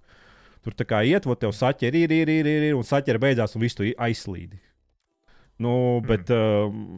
uh, tā pašā Aseto Korsā ir tā tāda līkne, un ka tu vari mm -hmm augšpusē sēdēt starp saķeri un bez saķera. Starp saķeri. Tu vari tā kā variēt un turēt maksim, uz maksimālitātes saķers to mašīnu. iRacingā nē, ja, ja tu izslīdi visu uzredzēšanos, aiz, nu, tas mm -hmm. nemotivē tevi braukt maksimāli ātri un mēģināt sasniegt kaut kādus ātrākos laikus. Bet, nu, nekas, nu, es Jāni tāpat tās apsteidzu vienā trasē Viņš man nu, rezultātā ātrāk, ātrāk, ātrāk, mano ātrāk apļu laiku nav pārsteidzis. Un viņš to spēli jau spēlē gadiem. Tas nekas, kad es nosēdēju pusdienu un izbraucu varbūt 150 apļus tādā trasē ar vienu mašīnu, lai to izdarītu, bet tas ir izdarīts. Un visu un pierādīt pretēji jau vairs nevar. Nu, var dzēst spēlē. Nu, jā, es, es, es nemaksāju. Nu, jā, nu, zin kā, ja tu būtu vismaz kaut kādas mašīnas, tur Nu, es neko nesaku, piecīt samaksāt par mašīnu vai kaut kādu, vai nezinu, samaksāt tricāru par expansions paku, ka tur tev vairāk strāsas, bet ne jau 15 eiro par vienu mašīnu spēlē, kurā tev jau jāmaksā 15 eiro. Ne, nu, ja tas ir, ja tā ir galvenā spēle, ko, ko tu spēlē, tā ir vienīgā spēle, un ja tev tur tiešām ir komūna, ar ko tu regulāri kopā spēlē, brauc, nu, tad vēl var saprast. Nu, ja tu esi arī tāds, tāds iedomīgais ar, ar spicāko stūri un vispārējo, tur, nu, tad vēl it kā var saprast. Jā, bet problēma, kad saka, ka tu nevari pamēģināt. Jo tur man ir ļoti daudz mašīnu, ko es pabraucu, tur, kas ir stokā. Divas kaut, tur bija kaut kādas priekšpiedziņas, kurš priekšpiedziņas vispār ir garlaicīgi braukt. Nu, vienkārši tupi garlaicīgi. Es nekad nebrauktu vienkārši. Nevienā brīdī nemā. Ai, tu tādu nopēc, nezinot, visu 15 eiro uz izmet ārā vai kaut kāda trase. Nezinu nekādu refundu iespējas tur nav. Ja? Es, es, es, es nezinu, bet nu, tāda tā notestēšana. Nu, kāds tur refunds tev jau vajag, lai pabrauktu to, ar to mašīnu? Tev tur, lai saprastu, vai tev patīk vai nepatīk, tev vajag nobraukt vismaz kāds akal, kaut kāds simts aplis vismaz. Nu, tas nebūs tā, ka tu, zini, kā ieies, divas mm. aplis nobrauks. Tāds ilgstošs process. Ar divām stundām nepietiks, jā, kā stīmā. Nē. Ja kas Steamā refundu, es dabūju arī pa trīs stundām. Nu, es domāju, arī pēc desmit var dabūt. Ja, piemēram, tāda situācija kā Harry Potter, tev viss tur tirnās, visu uzrakstīja supportam. Pirmais pats iznāca. No, tur jau ir, ir kaut kādi noteikumi, jā, kad nu, bez noteikuma refunds ir tās divas stundas, bet nu, ir kaut kādi gadījumi, jā, ka tev ja arī tie, tie paši asset flipi, kas ir. Uh -huh. Kaut kāds teenagers izdomājis baigo biznesa plānu paņemt no uh, kaut kāda tur, nezinu, Unity store, visus asetus salikt spēlē, un tu, ja tādu nospēlē kaut vai 20 stundas, tad arī var dabūt. Es nezinu, cik tas spēlēt, spēlēt 20 stundas, bet nu, gadā. Katrā ziņā tās divas stundas ir, jā, laikam bez jautājumiem. Mm -hmm. uh, un, bet pēc tam arī var dabūt. Nekāda problēma. Ja spēle ir viss, kas te tehniski netiek salabota, tad kā Harijs Poters, tu, piemēram, tev tiešām tiek gluži zaibā, es domāju, mierīgi pēc desmit stundām arī var dabūt refund. Nu, gan jau arī svarīgi ir tas, cik, cik ļoti tu māki to pamatot. Nu, jā, jā. Protams, ja tu. I don't, pateiks, I don't game, know, give me money. Give me money. jā, jā, jā. Tad, tad varbūt tev pasūtīs. Nu, Asset Flipā jau nekas tāds jaunākā ziņā es lasīju, ka Džeļi vispār vienkārši tupi uztaisīja spēļu trailers, un tad investoriem piedāvā investēt naudu, kaut arī spēles vispār neizskatās. Tagad bija kaut kāda jaunākā mm -hmm. zombiju spēle. Kaut kā ārbaigais smukais trailers, kas atgādināja Ubisoft diviziju. Bet Ubisoftam arī patīk. Trailerī parādīt spēli. Days before? Kas? Days before Days... var būt, jā, jā.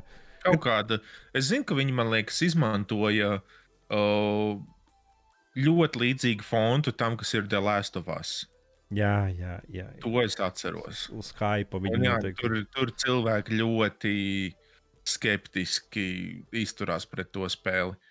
Nu, jo it kā viņi ir uztaisījuši kaut kādu gameplay video, bet tur, cik es sapratu, tā vieta, kur notiek tas gameplay, ir ļoti uh, ierobežota un, un rada aizdomas, ka vienkārši ir nu, nevis pilna spēle uztaisīt, bet vienkārši kaut kāds līmenis uh mhm. -huh. un kaut kādas pāris animācijas, un tad izgriezt naudu.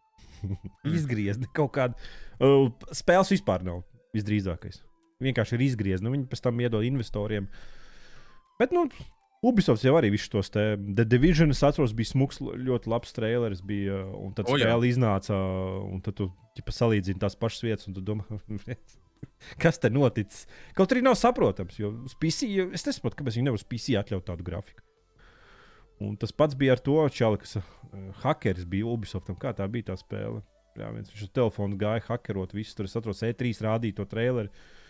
Tur mm -hmm. tādi specifikti, viņš tur pāri mašīnām lec, tur, tur, tur viss kaut ko tur hakeru augšā, tur tās lampas un tur viss kaut ko, un tad iznāk jā, spēle, jā, jā. un tur vienkārši kaut kāds San Andrejas tur tīrinās. Nu, nu, mm -hmm. Nezinu. Nu, paskumjo. Nu, tagad ir. Jā, viens otrs iRacingā, nē, bet uh, simulātoru pasaulē bija arī foršs. Kroči, čaļi nopirkuši Le Mans 24 sacensību li licenci. Tas tā kā nopirkt FIFA licenci, ka tikai IE games var FIFA taisīt. Nu, jā. R faktoru spēlē ar vienu no tiem simulātoru tipiem.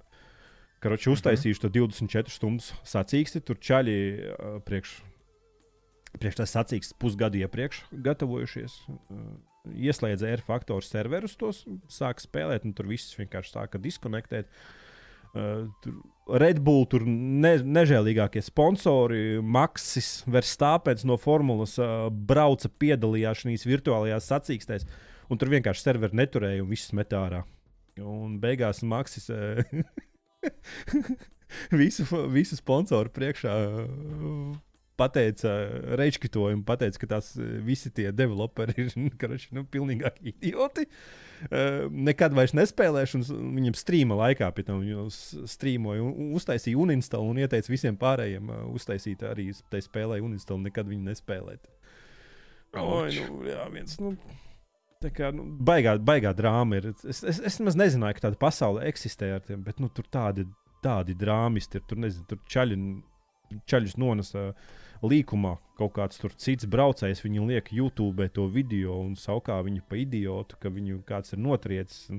Kā tā var darīt? Brāmies, nu, tur, nu, tur tādi snobi ir tajā pasaulē. Interesanti nu, pasakot tam līdzi. Ne, nu, tāda, ir, tāda ir visās spēlēs, jā. bet jā, izklausās, ka tur ļoti izceļas pats, pats labākais sabiedrības Oh, skrējums. nu jā, ja tev sponsoru priekšā maksā Verstapens, Formula 1 zvaigzne, pasaka, ka tā spēlē miskasti un uztaisa un instalē streamā, ka tur skatās figūri, cik tūkstoši cilvēki eh, sponsorētā br- braukšanā ar sponsoriem Nu milzīgiem un naudu. Un, nu, tad, tad ir interesanti. Nu, ko iesim pie jautājumiem? Es domāju, ka neko citu arī nesu spēlējis. Nu, jā. Uh, kas mums ir par jautājumiem? Digis noteikti arī, ko es biju kaut kāds septiņus. Nu, pirmais no Digita, paldies par podkāstu. Tad uh, Misters Stalone, nevis vienkārši Stalone, bet Misters Stalone. Ideāls podkāsts pie autostūres. Un Stalone Pauls viņam piekrīt. Pie stūres viņš visu kaut ko citu dara, bet nu labi. Vai neesam Ķīnā, viņš sodu par to nedabūs. Jā. Uh, Witcher seriāla, ah, Egīls raksta, Witcher seriāla galvenais aktieris Henrijs Kavils bija apgalvojis, ka viņam ir svarīgi, lai pieturētos pēc iespējas tuvāk pie grāmatām. Tādā gadījumā viņš būtu gatavs palikt uz visu seriālu, bet cik var noprast, seriāls iet tālāk no grāmatām, un tāpēc viņš esot aizgājis. Jā, viņš Jā. esot ļoti liels Witcher fans, spēles spēlējis, grāmatas lasījis, un, un cik es saprotu, nu, mēs jau pietiekoši esam draudzes Discordā runājuši par to aktieru izvēli dažādām lomām. Kur mm. -hmm. grāmatās un spēlēs konkrētais personāžs ir gadu desmitiem bijis attēlots vienā veidā, un seriālā viņi pēkšņi, es nezinu, kādu idiotismu pēc Melns. ir izdomājuši kaut ko citu. Un, nu, Melns viņš ir. Nē, nu, piemēram, tā pati, tā pati Jennifer, tā pati Trīsa. Nu, jā. Nē, tie Bet, aktieri. nu, tur var pilnībā saprast, saprast ka, ka viņš negrib, negrib piedalīties, ja tas ir. Ja, ja tev būtu jāstrādā pie kaut kādas lietas, kas ir balstītas uz, uz kaut ko, kas tev vismazliet visu mūžu, par ko tu esi fanojis, un tu redzi, kā tev acu priekšā tie seriāli vai kāda cita produktu veidotāji to visu vienkārši uh, iznīcina. Vai, vai pārtais pēc savas iegribas, un kaut ko, kam ir, nezinu, simtiem tūkstošu fanu pasaulē, kas ir kas ir iepazinuši, kas ir pieraduši pie kaut kādiem personāžiem vai, vai kaut kādām lietām, ka tās ir vienā veidā, un pēkšņi kaut kāda seriāla veidotāja izdomā, nē, mēs zinām labāk, mēs uztaisīsim citādi. Nu, pilnīgi pašsaprotami, ka viņš vienkārši nezina, parāda video pirkstu un čau.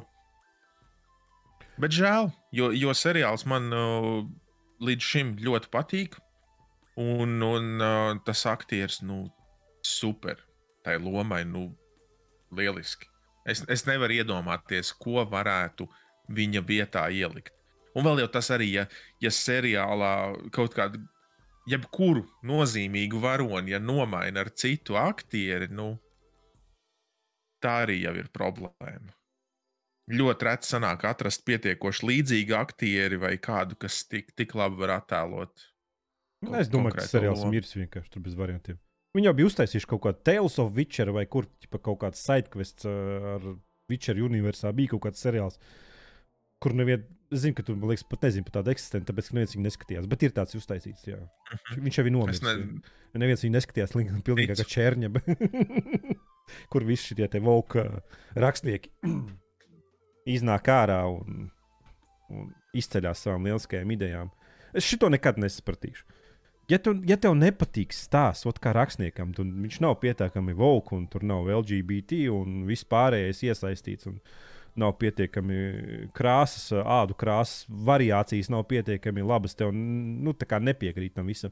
Nu, uztaisīt pats savu pasauli. Nu, Nu, raksti savu grāmatu, nu, nu ej, raksti, nu, raksti savus LGBT. Redzēsim, kā tev viņas tirgosies. Vat, vat vienkārši redzēsim, cik daudz nopelnīsi ar to visu. A, viņi paņem stāstu, kas jau ir jau viss. Nu, nu labi, nu, tur ir tur bijuši tie vairāk baltie. Nu, nu, tāda bija tāda. Nu, nu, ko nu darīt? Nu, tā ir vēsture, nu, tāds ir tas stāsts. Nu. Un vēl jau tas, ka to ir, to ir rakstījis poļu, poļu, jā, poļu rakstnieks, tās grāmatas.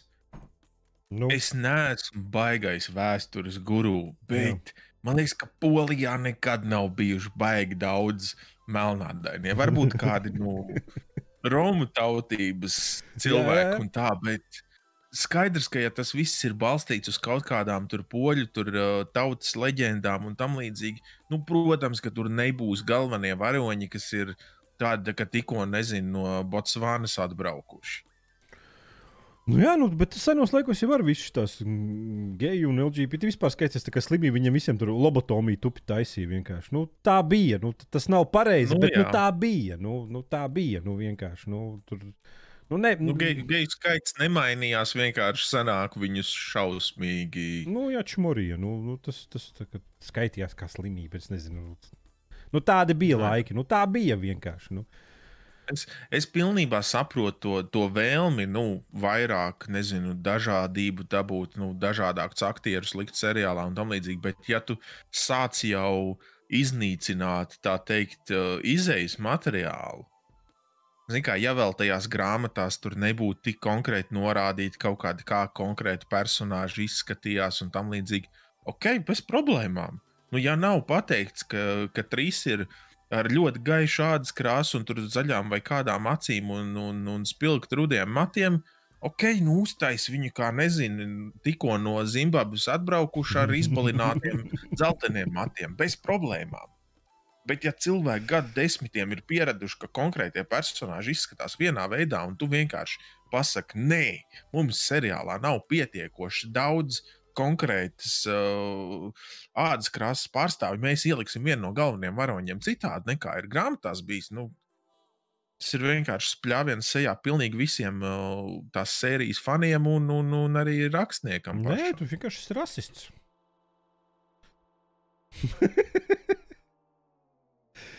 Es šito, es šito nekad, es, man, piemēram, mīļākais uh, varonis no bērnības, ko es atceros, vispār bija Blades. Tas, kas cīnījās pret vampīriem, man tās filmas nežēlīgi patika. Tas, es pat, es pat neatceros. Jā, jā, es pat neatceros, Mm. mm. lai es domātu, kāda viņam tur ādas krāsa. Man pat, man, man, man pat tāda doma nekad nav ienākusi prātā. Viņš man vienkārši kā varonis patīk. Nu, nu, ķipa, Mhm. es, es, es nezinu, kur tā problēma. Labi, bet mums varbūt cita kultūra. Zinām, kā Amerikā tur viņiem tur liels problēmas ar to visu. Nu, jā. Nu, es, uh, es Amerikā, cik es tur, kamēr es biju tajā komandējumā, es arī ar dažiem uh, tur afroamerikāņiem parunāju par šo. Un arī tā, nu, atklāti pateicu, ka nu, es esmu no Latvijas. Mums šeit būtībā nekad nav bijuši daudz tādu tumšāku sāģu krāsas pārstāvju, un es viņiem prasīju, nu, vai tiešām ir tā, kā nu, es esmu dzirdējis un redzējis internetā un visu, un vai tiešām ir tā, ka, nu, ja tu, ja tu piedzimst kā, kā melnādains, vai tad tiešām ir tā, ka nu, tev jau no, no sākuma tev ir sūdīgāka likme iedot, sūdīgāki statu pointi. Un visi kā viens pateica, ka tā arī ir. Tur ir rasisms, tur ir nopietna problēma. Ja, nu varētu būt viņiem izauguši, ka tur viņiem jau vergi bija. Mums jau savādāk. Mēs Nu, jau, jā. mums jau latvieši bija vergi paši par sevi. Nevis latvieši vai, mēs, vai latvieši bija vergi turi? Uh, nē, nu kā, vai tad nebija tā, ka vācieši atnāca, visi bija tā kā. Ah, nu tas jau, tas jau nebija gluži verdzība, man liekas. Bet nu, es, es nezinu, tik daudz vēsturiski. Bet tajā pat laikā bija jau arī no Latvijas, vai nebija tepat no kurzemes tas kaut kāds hercogs, kas aizbrauc arī tur Āfrikā kaut kādu saliņu paņemt. O, jā, redz, kur cilvēki tumši. Vai ņemsim viņus bez maksas, lai viņi mums strādā, un ja viņi nestrādā, sadosim pa, pa muguru. Nē, tas bija kaut kad muzejā. Vasarā, laikam, šoks bija muzejā. Tur bija mūžnieks, un tad tie latvieši mazie dzīvoja. Viņi bija 1,50 m augumā visi. Pa vidu viņiem bija ugunskurs mājā, visas sienas, visas ķipa, ar, ar tiem sodrājiem, jo nav tā, kā, nav tā iz, izplūde nekāda. Viņi tur vienkārši dzīvoja tā. Nu. Viņi ilgi nedzīvoja, tāpēc, ka jāstrādā bija nu, arī līdz vakaram, tur jau nezinu, liekas, no astoņiem gadiem. Tā kā tu malks pagalvu vari pa, rokās paņemt un aiznest, viss tev jau bija jāstrādā.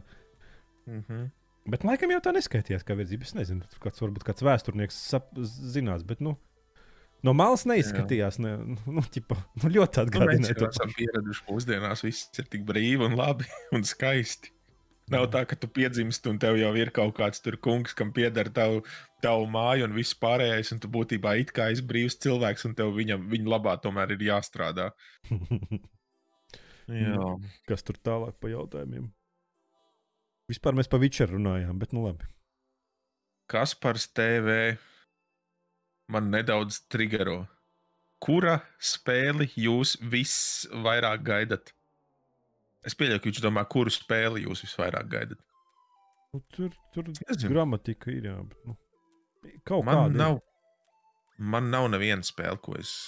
Es nevaru iedomāties šobrīd nevienu, ko es tiešām gaidītu. Bet, nu, a, ko tur var gaidīt? Nu, es nezinu, mūsdienās tas Tik daudz vilšanās ir bijušas, kad vienkārši nu, iznāk spēle un tu skaties, nu, būs, būs labi, būs, nebūs. Nē, nu, nezinu. jā, vispār nekam Ja kādreiz ticēts. iznāks sastais GTA, būs nu, interesanti. Es pat piekto vēl neesmu izgājis.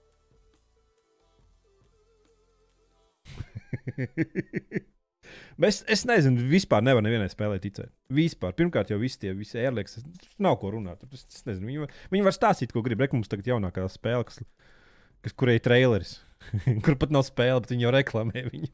Uztaisījuši to izgriezni. Kam, kam tu tur ticēsi? Nu, jā, Nu, skumji. Nu. es nevienu negaidu. Ne, tiešām. Es, es gan arī baigi nesakoju tam, kas notiek. Nu, kādi jaunumi, kas, kas tiek, nezinu, kādi traileri izla, tiek izlaisti. Es baigi, baigi tam nesakoju līdzi. Jo, laikam, jā, baigā vilšanās ir pēdējos gados bijusi. Ka, jā, ļoti, ļoti daudz viduvējas spēles nāk ārā. Jā, un tas, kad, ra- ka viņi saka, ka viņi iznāks 20. februārī. Tā spēle tas nenozīmē, ka viņi iznāks 20. Jau pateiks, februārī. kurā? Jā. Tie jau jautājums nevis kurā datumā, bet kurā gadā.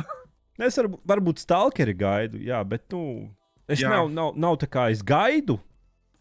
Es gaidu, ka viņš iznāks. Es nezinu, kad viņš iznāks. Es neskatos trailerus, Jā. nesakoju ziņām. Kad iznāks, tad spēlēšu. Tāpēc ka es skaidri saprotu, ka datums, kad viņš iznāks, ir nezināms. Vai viņš vispār iznāks. Sevišķi tagad ar visu to, kas notiek Ukrajinā, nu, protams. Tas vispār nu, tāds. Un tagad būs Jā, es, es, es īstenībā biju pat aizmirsis, jā, ka Stalkers taču tiek veidots jauns.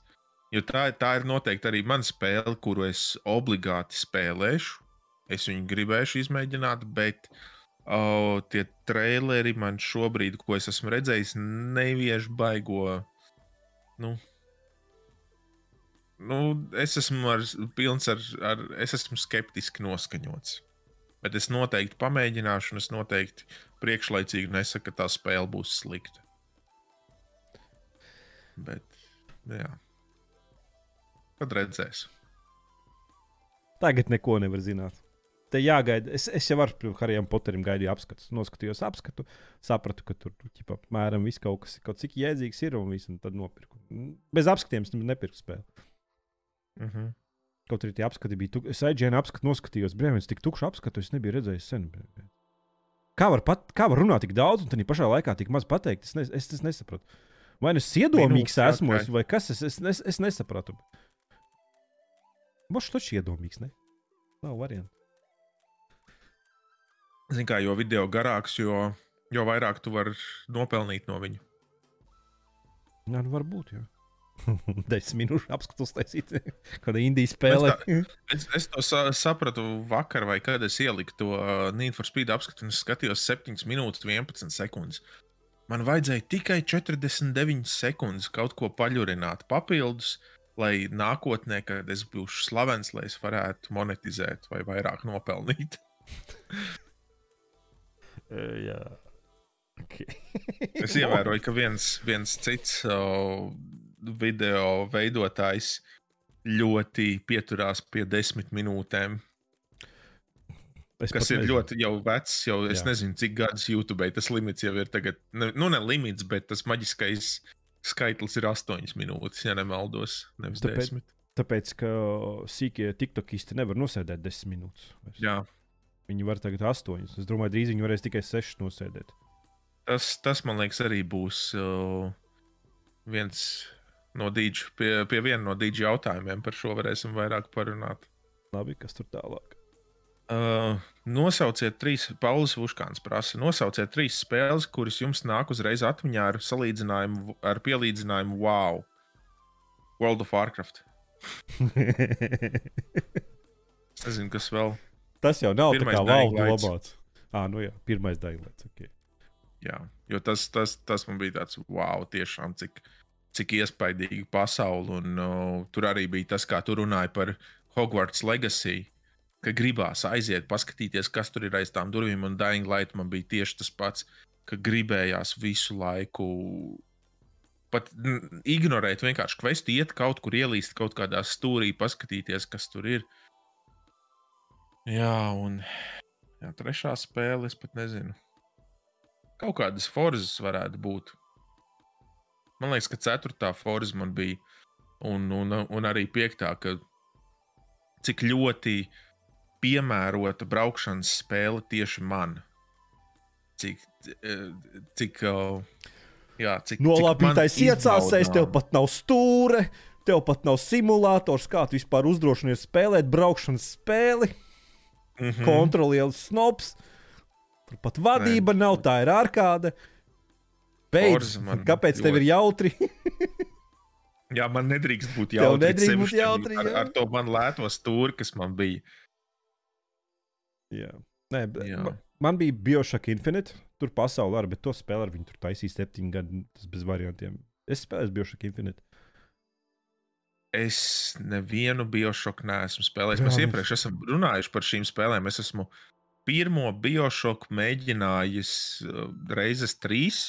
Nu, nevari. Katrā reizē tur nezinu, 15 minūtes, varbūt pusstundu maksimums paspēlējis, un, un kaut kas nebija. Nu, es, es nezinu, vai bū, varbūt nepareizais garstāvoklis, bet neaizvilka. Tā, tā spēle vienkārši no pirmā, otrā, trešā. Es vienkārši to pasauli, visu to. Nu, tur tiešām ir forši izdomāts. Kaut kas savādāks. Tad reti, kad tādas spēles gadās, kad, kad pasaule tik ļoti attīstīta. Un biežāk Infinite vispār tur. Nezinu, septiņi vai cik gadi viņi taisīja. Tur vienkārši ik, ik pa brīdim vienkārši muti vaļā ir un viss skaties. Visu. Uh, Mass Effect 2 ir uh, viena no labākajām spēlēm, ko es vispār spēlēju. Es arī noteikti nespēlēju. Nevienu Mass Effect neesmu spēlējis. Oi, brā, viens. Es saprotu, ka pirmo var nespēlēt, jo tur ir tādas stulbas mehānikas. Arī otrajā ir stulba. Bet Mass Effectā otrā ir nežēlīgi labs stāsts un personāži. Personāžiem nav apgaizītu dibenu izmērs un krūšu izmērs. Tur ir visā, ja tu oriģinālo spēlē, tur viss ne, nereāli labi. Un Last of Us tā spēle ir brutāli laba. Brutāli labi. Protams, mēs PC masterēs to nevaram spēlēt. Jā. At, nu, varēsim. seriāli skaties. Bet mēs varēsim spēli spēlēt, vai 28. februārī viņi iznāk uz PC. Last of Us iznāks uz PC. Jā, Točnu? jā, jā. Var, var, devis. Varbūt, jā. Ņemot vērā, ka godu var iznāca, tad jau kāpēc ka Last of Us neiznāk. Es esmu pārliecināts, jā, ka The Last of Us iznāks. Nu, oriģinālā spēle kaut kāds tur remasters būs uz, uz PC. Tad tur nedrīkst skatīties seriālu, ja tu gribēsi viņu spēlēt. Tāpēc, ka... es, es, es domāju, ka tā, tā spēle ir tik veca, jau tik ilgi bijusi pasaulē. Es baigi neuztraucos par to, ka es kaut ko sev nospoilošu. Tāpēc, ka seriāls viens pret viens pret spēli ir. Nu, tā kā viens pret viens vispār. Tur... Bet uh, man tādā spēlē tas netraucē, jo man liekas, pietiekoši daudz tāpat tur būs ko darīt, lai, lai varētu papildus izpētīt to pasauli. Un um, seriāls man vienkārši dod to papildus motivāciju. Jo, ja nebūtu tāds seriāls, un iznāktu vienkārši The Last of Us. Es esmu daudz dzirdējis, jā, ka tā ir ļoti laba spēle un tā tālāk, bet man nebūtu nekādas intereses. Es arī visticamāk pavadītu vēl desmit gadus, zinot tikai to, ka tur ir kaut kāds onkliņš, kaut kāda meitene un kaut kāda sēņa cilvēki. Tā kā tā, tik daudz es zināju, pirms es sāku skatīties seriālu, un, ja nebūtu seriāls, es tā arī, kad iznāk tā datorspēle, es, es viņu tā arī neuzspēlētu. Bet tagad man ir interese, un es gribēšu uzspēlēt. Nu, jā staigājušās baravikas. Tur. Jā, bet tas, uh, tas, uh, ja to var saukt par world building, tā vispār tā ideja ir baigi, baigi labā tai, tam The Last of Us. Jo nu. tas ir ļoti, uh, ļoti ticams. Nu, tas viss, kā tur izveidojās, tas, tas tie sēņu cilvēki un viss. Un tas ir ļoti tāds, nezinu, biedējošs. Līdz ar to tas ļoti, ļoti labi iedarbojas uz cilvēkiem emocionāli.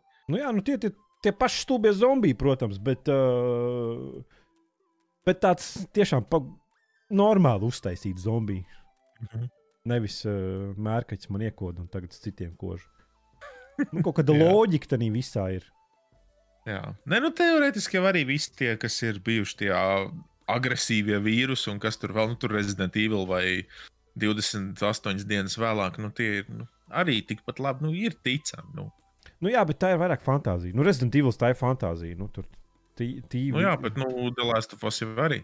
Nu, jā, bet tas mazāk tā ir, ka, ka tās kordyceps vai kādas tur tās sēnes, šobrīd jau viņas nevar izdzīvot cilvēkos.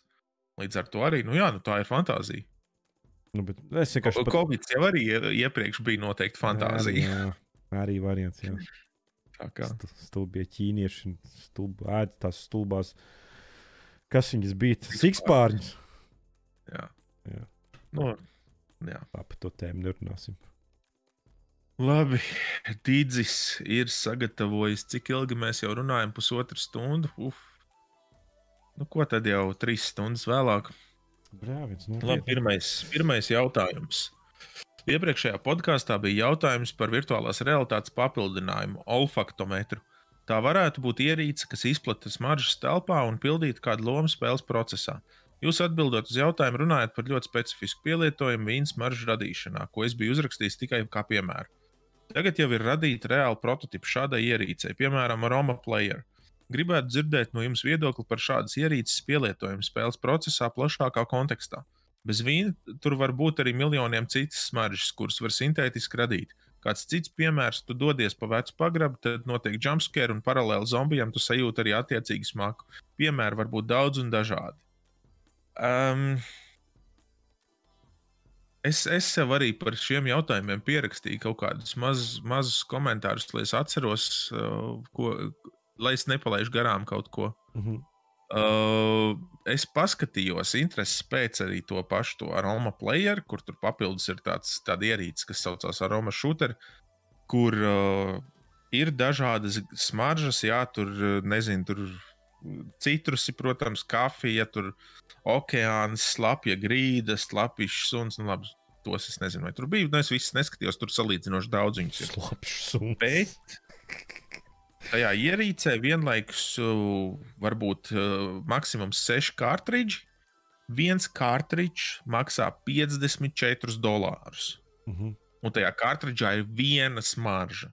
Protams, viņas tur var savstarpēji kombinēt, bet nu, tur ir viena smarža un kartridža mūžs ir līdz trīs mēnešiem. Hmm.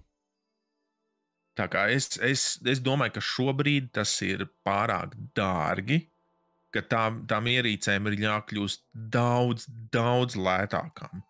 Citādāk, šo, šobrīd labākajā gadījumā tas var būt nākošais līmenis tiem uh, uh, racing simulātoru elitistiem ka viņi varēs dabūt savai krūtajai stūrei klāt arī karstu riepu un uh, piebezdēt uh, racing sēdekļu smaku klāt. Bet tā, nu, nākotnē, kad tas būs pietiekoši lēti un pieejami nu, vidusmēra gamerim, nu, noteikti jau sākumā tāpat ļoti turīgam, bet, bet tādam nu, vidusmēra gamerim, tad uh, jā, tas atkal atvērtu papildus kaut kādas iespējas. Nu, ne tikai tur kaut kāda zombija, tur es nezinu, kādu smaku viņš bija domājis. Varbūt izlaiž zombijas, un tu savodi zombiju, vai arī tu savodi savus brūnās apakšbikses tajā brīdī. Bet uh, tas varētu papildināt visādas citas spēles vai kaut kādas tur, nezinu. Trešajā vičerā tev ir jāizmanto Witcher senses, lai tu tur vizuāli redz, ka tur kaut kāda smaciņa kāds ir palaidis un tu viņai seko. Tad tikpat labi tas varētu uh, kaut kādā, nezinu, detektīvu spēlē vai kaut kur tev sekot kādam, vai arī tieši otrādi. Kaut kādā šausmu spēlē tu savodi jātur to zombiju vai kaut ko citu, un tu tādā veidā tev nav tikai jāklausās un jāskatās, tu vari arī saust un jā, laicīgi noslēpties vai kā. Bet, nu, tas Brāvis, ir. Viņi nevar tehnoloģijai baigi jāattīstās. Viņi nevar vienkārši spēli izlaist mūsdienās, kas stupi strādā. Kur nu vēl izdot tādu spēli, kurai tāda funkcionalitāte ir klāta? Tie, tieši tā, tas arī būtu vēl tā būtu papildus funkcionalitāte, kas jāievieš spēlē. Un tad tas ir visas spēles gaitā, ir jāpielāgo tās kādas smakas, cik daudz viņas nāk. Un, nu. Tas man liekas, drīzāk varētu kaut kādam kinoteātrī skatīties kaut kādu filmu, kur, ir, kur tas viss ir izdomāts. Jā, Noteikti tas, ta, tas būtu pirmais, kur mēs, kur mēs tādu tehnoloģiju redzēsim. Noteikti tādos kinoteātros mēs redzēsim tādu tehnoloģiju ātrāk nekā spēlēs. Jo arī tas, ja tev filma iet vidu, vidēji, nu, tur divas stundas, pusotra, nu, kaut kā tā, ir daudz uh, vieglāk filmai pielāgot tādas smaržas nekā veselai spēlei. Jā. Jā. Es nezinu, ko tu par to domā. Es jau, es jau izteicu visas savas Nā, domas. es, es, es vienkārši neticu. Nu, Tanī brīdī, kad mēs varēsim degunā iesprāst uh, divas zondas un ar elektrību viņa kaut kādu smaržu tev izraisīs, varbūt tas strādās. Bet rēviens. Viņa spēles nevar uztaisīt normāli, kas strādā. Kur nu vēl piesaistīt vēl kaut kādu jaunu funkcionalitāti, vēl izdomāt. Tas man atgādina 3D, kā kādreiz bija baigi populārais. Tad es aizēju pie druskas, un druskam ir 3D televizors. Viņš saka, es vienu filmu noskatījies uh, 3D. Uh, kopš 7 vai 8 gadiem viņam tas teļuks ir. Viņš saka, nah, es atvainojos. Nu, jā. Eh, Kāpēc es samaksāju par to ka 300 eiro, tur cik tie gadi vairāk, lai man būtu tas 3D, kad es viņu nekad neizmantoju? Nu, jā. Ja porno to varētu izmantot, tad saprotu, jā. A, tā nē. Citronu un slāpjas grīdas. Pēc, pēc zivīm, lai pa brīdim pasmaržo. pēc voblām, jā. Nu, Otrais jautājums. Uh, vienam no šī podkāsta dalībniekiem uh, YouTube video apraksts sākas ar tekstu Vampire Survivors vis, visaugstāk vērtētā 2022. gada spēle Steam veikalā. Es noteikti neapgalvoju, ka šī ir slikta spēle, bet tomēr rodas jautājums, kāpēc tieši šī spēle ir tik ļoti populāra, ja jau eksistē desmitiem dažādu arēnu šūteri, kur nepavisam daudz neatšķiras no šīs spēles. Vai tiešām tikai dīvainā, Steam dīvainā vērtēšanas sistēma pie vainas? Pārējām spēlēm taču ir tāpat vērtēšanas sistēma, kāpēc tās citas spēles nav tik populāras. Citreiz gadās, ka kāds liels influ influenceris tīši vai netīši uzrauj gaisā hype, kā piemēram Amangās. Taču dažām spēlēm ir te vai neizskaidrojama panākuma atslēga. Kas šī atslēga varētu būt pēc jūsu domām? Pirmais, ko es gribu teikt, varbūt Dīdis pārprat, ko es uh, domāju par to Steam vērtēšanu, Steam vērtēšanas sistēmu. Es nesaku, ka viņi ir vainīgi pie kaut kā. Tā vienkārši tā Steam vērtēšanas sistēma var radīt maldīgu, maldīgu priekšstatu par to, cik labi ir kāda spēle. Jo augstāks Steam vērtējums nenozīmē, ka spēle ir uh, labāka. Augstāks Steam vērtējums nozīmē, ka spēle procentuāli lielākam spēlētāju daudzumam ir virs vidējā. Labāka mm. -hmm. nekā, nu, teiksim, 5,5 balvas no 10. Lielākam spēlētāju daudzumam. Līdz ar to spēle var būt ļoti viduvēja, bet tā spēle var būt ok lielākam spēlētāju skaitam. Līdz ar to viņi ieņems, o, dabu, dabūs labāku, labāku vērtējumu. par, par influenceru ie- ietekmi tai, tai spēlē konkrētajai es nezinu. Bet uh, nu, to ir ļoti grūti tā, tā izanalizēt, uh, kas ir tās konkrētās spēles panākuma atslēga. Varbūt uh, tur, tur noteikti ir kaut kādas nianses, kas vienkārši spēlētājiem, nezinu, zemapziņā liek to spēli vairāk spēlēt, nezinu, izstrādāt vairāk dopamīnu vai kaut, ka- kaut kas tur ir, bet es nezinu. Es, es personīgi nes, neesmu spējīgs to izanalizēt un parādīt ar pirkstu. Lūk, tāpēc lielākam, procentuāli lielākam spēlētāju daudzumam šī spēle ir rekomendējama. Viņi vairāk var pateikt pozitīvas lietas nekā negatīvas par spēli. Pat ja tās ir tikai 6 balvas, kas būtībā ir viduvēja spēle, bet 6, 6 no 10 tik un tā ir nedaudz virs viduvējā. Tas nenozīmē, ka spēle ir izcila. Tas, ka viņai ir tur 90 cik procentu pozitīvu vērtējumu, nenozīmē, ka viņa ir izcila. Nu, bet Tur jau tā sistēma liekas, diezgan vienkārša bija. Tā upgrade sistēma ir pietiekami vienkārša, lai tu varētu zaudēt un vēlreiz sākt. Ja citos šūtos tev ir jātēmē, tur man liekas, pat nebija jātēmē tur pa lielam. Bet, bet tas arī var apgrūtināt to, jo va- vairumu no tiem ieročiem, kas tur ir, tu nevari izlēm, izvēlēties, kur viņš šaus, un tu nevari arī noteikt. Jo ir tādi, kas, piemēram, kas, kas šauj pretī, ne tajā virzienā, kur tu skrien, ir tādi, kas šauj uh, tuvākajam pretiniekam. Ok, tos tu vari. Nu, netiešā veidā, nu, labi, to, kurš, kurš šauj tajā virzienā, kur tu skrien, nu, tas ir skaidrs, to tu vari tēmēt. Bet to, kas šauj pa tuvāko pretinieku, tu vari netiešā veidā aptuveni kontrolēt kas, kas daudziem cilvēkiem varētu nepatikt. Tas, ka tu nevari tēmēt. Jo man pirmajā brīdī, kad es palaidu to spēli, man arī likās, nu, kas tas par sūdu. Kā lai es šitādu Mhm. spēlēju, ja es vispār nevaru, nevaru izvēlēties, kur es šaušu. Es taču pēc piecām minūtēm nos, nomiršu, pēc 20 minūtēm es spēli izdzēsīšu un ielikšu negatīvu vērtējumu. Bet Nu, kaut kas Tas vienkārši ir. Nu, tā, tā varbūt tā upgrade sistēma ir pietiekami ātra, lai dopamīnu darbinātu. jā, Jā. tur visu laiku kaut kas notiek. Tu progresē kaut kādā virzienā nepārtraukti. Un nedaudz gan jau arī tas, kas būs pēc tam nākošajā jautājumā. Ka, nu, tev tik ļoti uzmanība nav jāpievērš. Nu, var, man arī bija reizes, kad es to spēli spēlēju. Mans džekiņš ir tā uzskačāts, ka es varu aiziet, uz, uzlikt sev tējai ūdeni, vārīties, var aiziet uz to lietu, atnāk atpakaļ. Mans džekiņš ir dzīves. Varbūt es esmu tajā brīdī dabūjis līmeni, kad es dabūju līmeni, spēle tāpat iepauzējas. Nezinu, tas pats, kas Tonija Havakā spēlēja tās Tonija Havaka pro skater spēles Playstation. Es spēlēju. Man bija Deiva miera problēmas. Ka, a, nu, nu, tas, tas apmēram tas pats. Tev ir divas minūtes. Nu, Tieši tur tā. tāds ātrs gameplay, tu tur pamēģini, pamēģini, nesanāk restēt, pamēģini, pamēģini, restēt. Tev nav tā, ka tu nekad neieguldi kaut kādu milzīgu laiku. Tu, ka tas Bet ir jau tas Vampire Survivors nav vienīgā tāda spēle, tādas ir daudz. Es arī tādas esmu vairāk spēlējis, bet nu, es personīgi es nevaru tiešām parādīt ar pirkstu, ka šī ir konkrēti tā viena lieta, kāpēc šī spēle patīk vair, vairāk cilvēkiem. Es nezinu. Nu, Nu, gan jau, ka dēļ tās upgrade sistēmas, cik es paskatījos, nu, Tādās- tās opcijas, tādās tās opcijas viņas pamēģināt. daudz, tur ir tādas mazas nianses.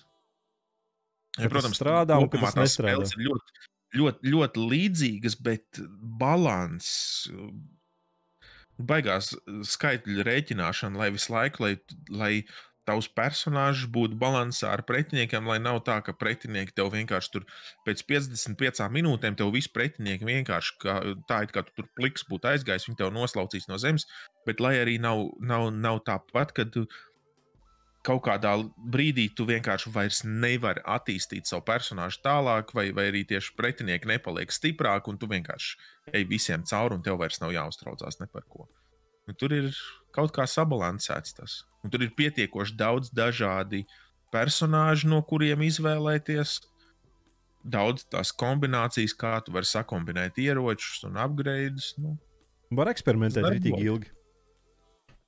Nu, tā kā eksperimentēt, pamēģināt vienu, otru, trešo, kas tev patīk, nestrādā, strādā.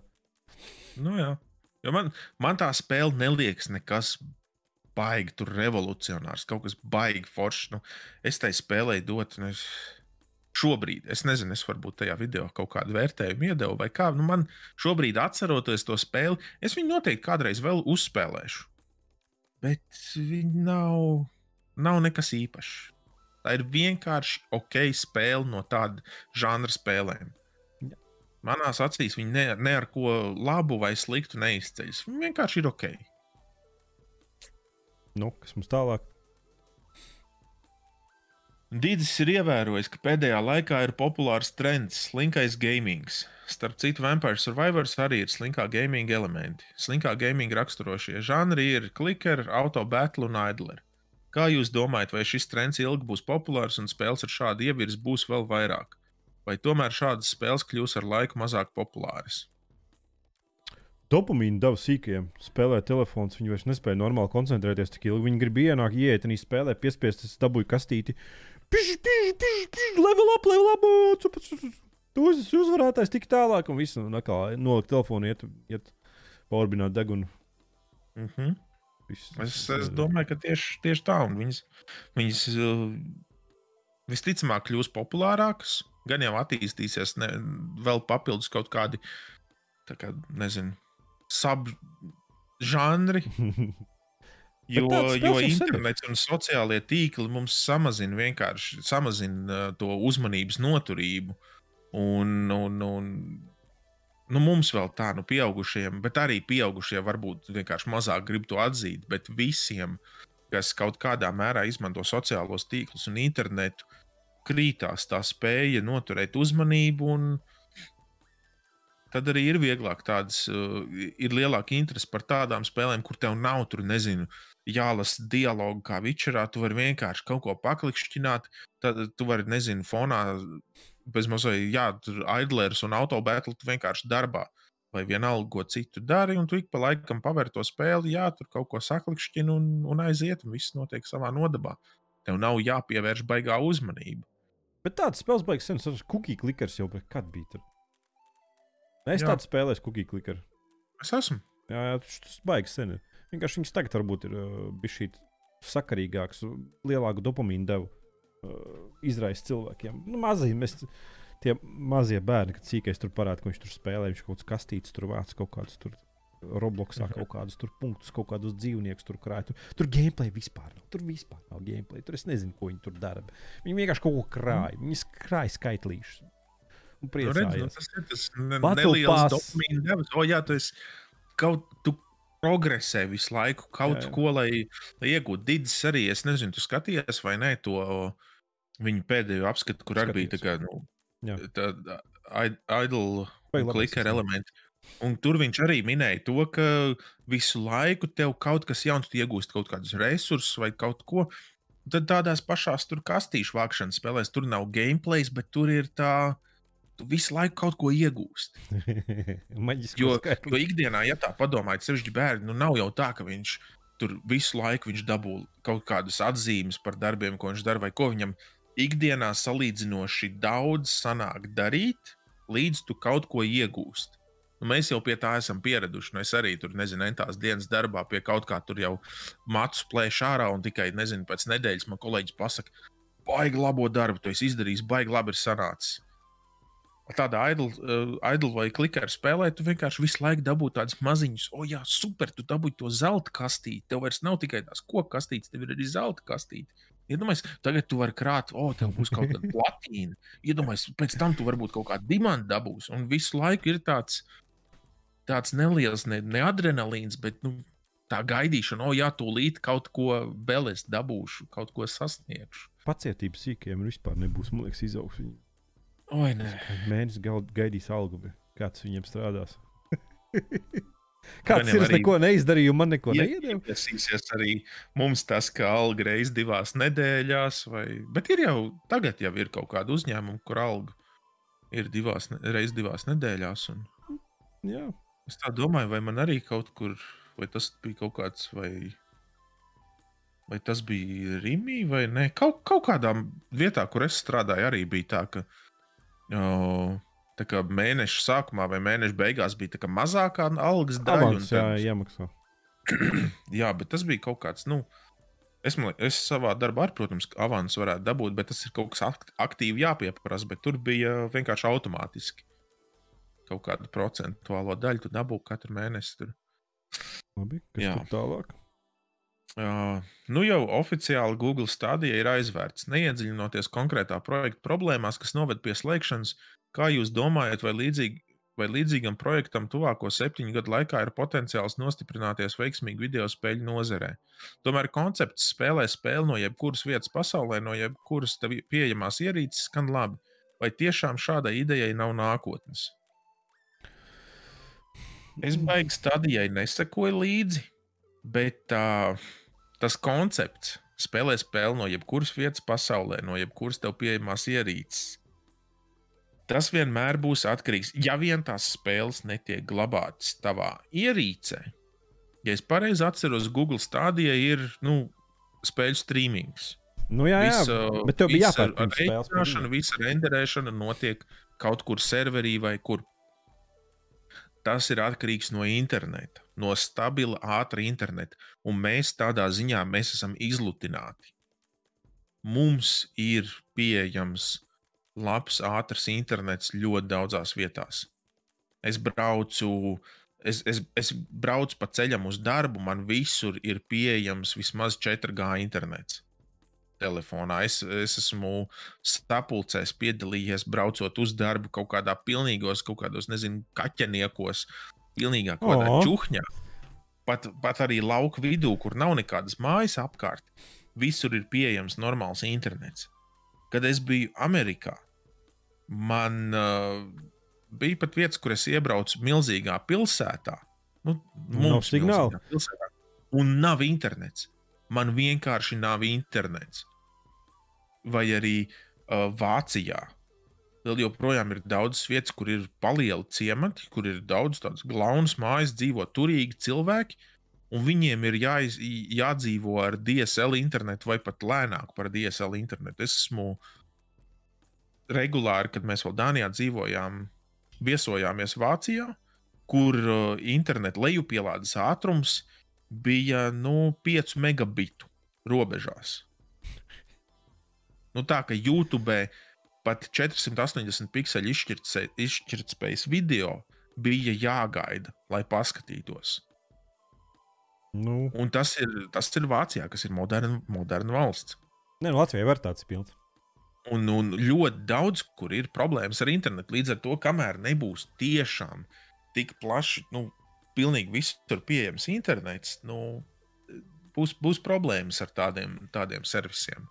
Nu, jā, galvenais, ka tu jau vari pa lielam var spēlēt tikai single player spēles, bet pasaulē jau multiplayer spēles ir populārākas. Nu, nezinu, ja tu, ja tu vēl spēlēsi multiplayer, Jā. tas, tas ir pings līdz serveriem apakaļ. Tava ar peli vispār es nezinu, kā var paspēlēt. Es kontrolēju spēlēju, mēģināju. Tu, tur, ir, tur jau galva teikt, dubultais Jā. pings, vai pat vairāk, jo tev ir tavs inputs aiziet līdz serverim, Jā. un atpakaļ atnāk rezultāts. Ko Google stādīja, ja es nemaldos, viņi centās, viņi uh, darbojās pie algoritmiem, kas varētu tā teikt, pareģot spēlētāju darbības. Kas arī, manuprāt, ir ļoti tāds, nu, kur var ļoti daudz kļūdas rasties. Plus, ja tu vēl multiplayerī kaut ko spēlē, tad vēl ir tas multiplayer pings, kur tavs, tavs lagojošais inputs aiziet līdz citiem spēlētājiem.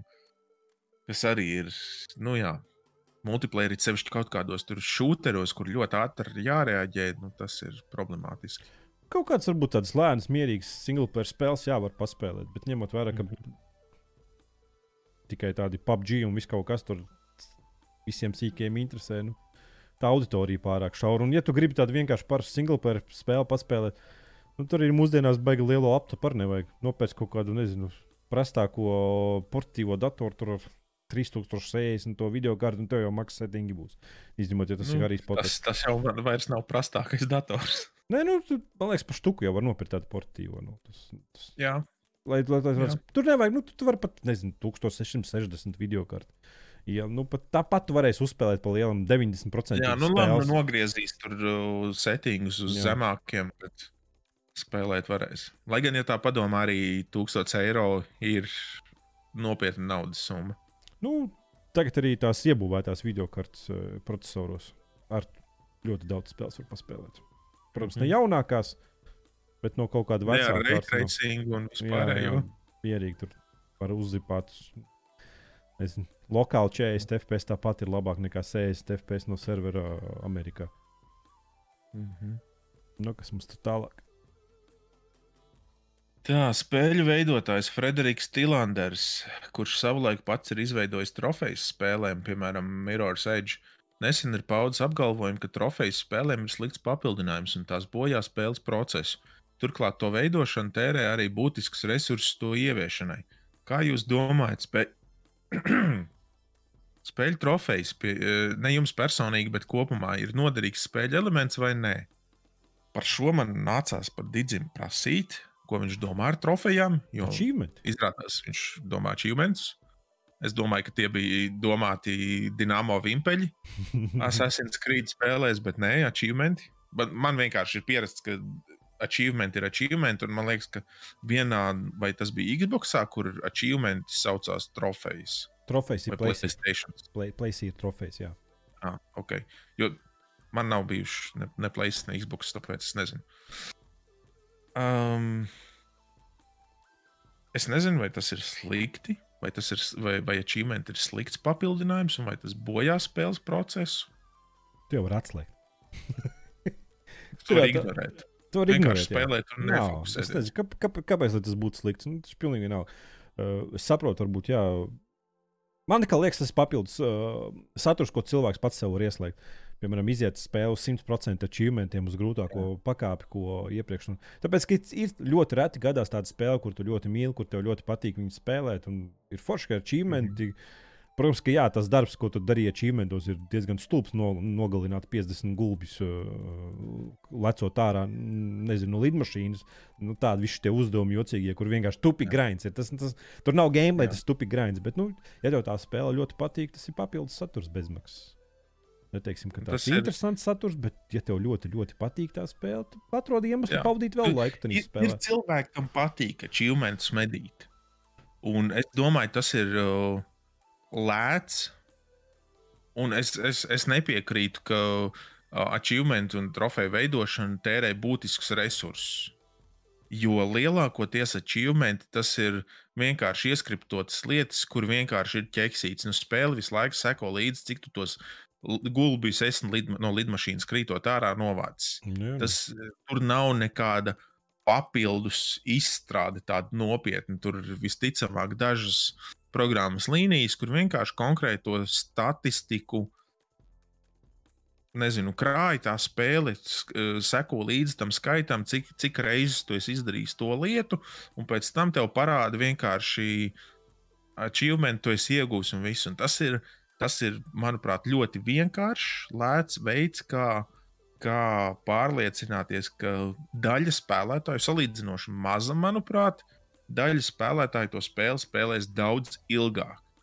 Tie, kam patīk achievements medīt, viņi to darīs. Tie, kam nepatīk, tie vai tie, kam ir vienalga, tiem tas neko spēlē nedod. Ne, ne, ne, nevis nedod, bet neko negatīvu Nu, jā, nu. nedara. Jo tā ir vienkārši, nu, forši. Es dabūju to achievement, forši. Nedabūju man pilnīgi vienalga. Nu, pilnīgi man, manā dzīvē tas neko nemaina, un man, uh, man, uh, manu spēju izbaudīt spēli, ja tā spēle ir laba pat par sevi, man tas neietekmē, vai, es dabūju, vai es spēli pabeidzu ar, ar 3% no visiem achievementiem, vai es esmu dabūjis tur, nezinu, 80% vai nezinu, Tieši tā. Man, man, man personīgi ir vienalga. Un, ja, ja achievement ielikšana var dot prieku citiem spēlētājiem, man liekas, tas ir viegls un lēts veids, kā iegūt papildus. Mēs pat šeit esam runājuši kaut kad, ne? Kaut es atceros. Gan jau. Par podkāstā. ka, ka dārgāk ir izveidot interesantu spēles pasauli, interesantu un detalizētu, nekā ielikt achievements un vimpeļus.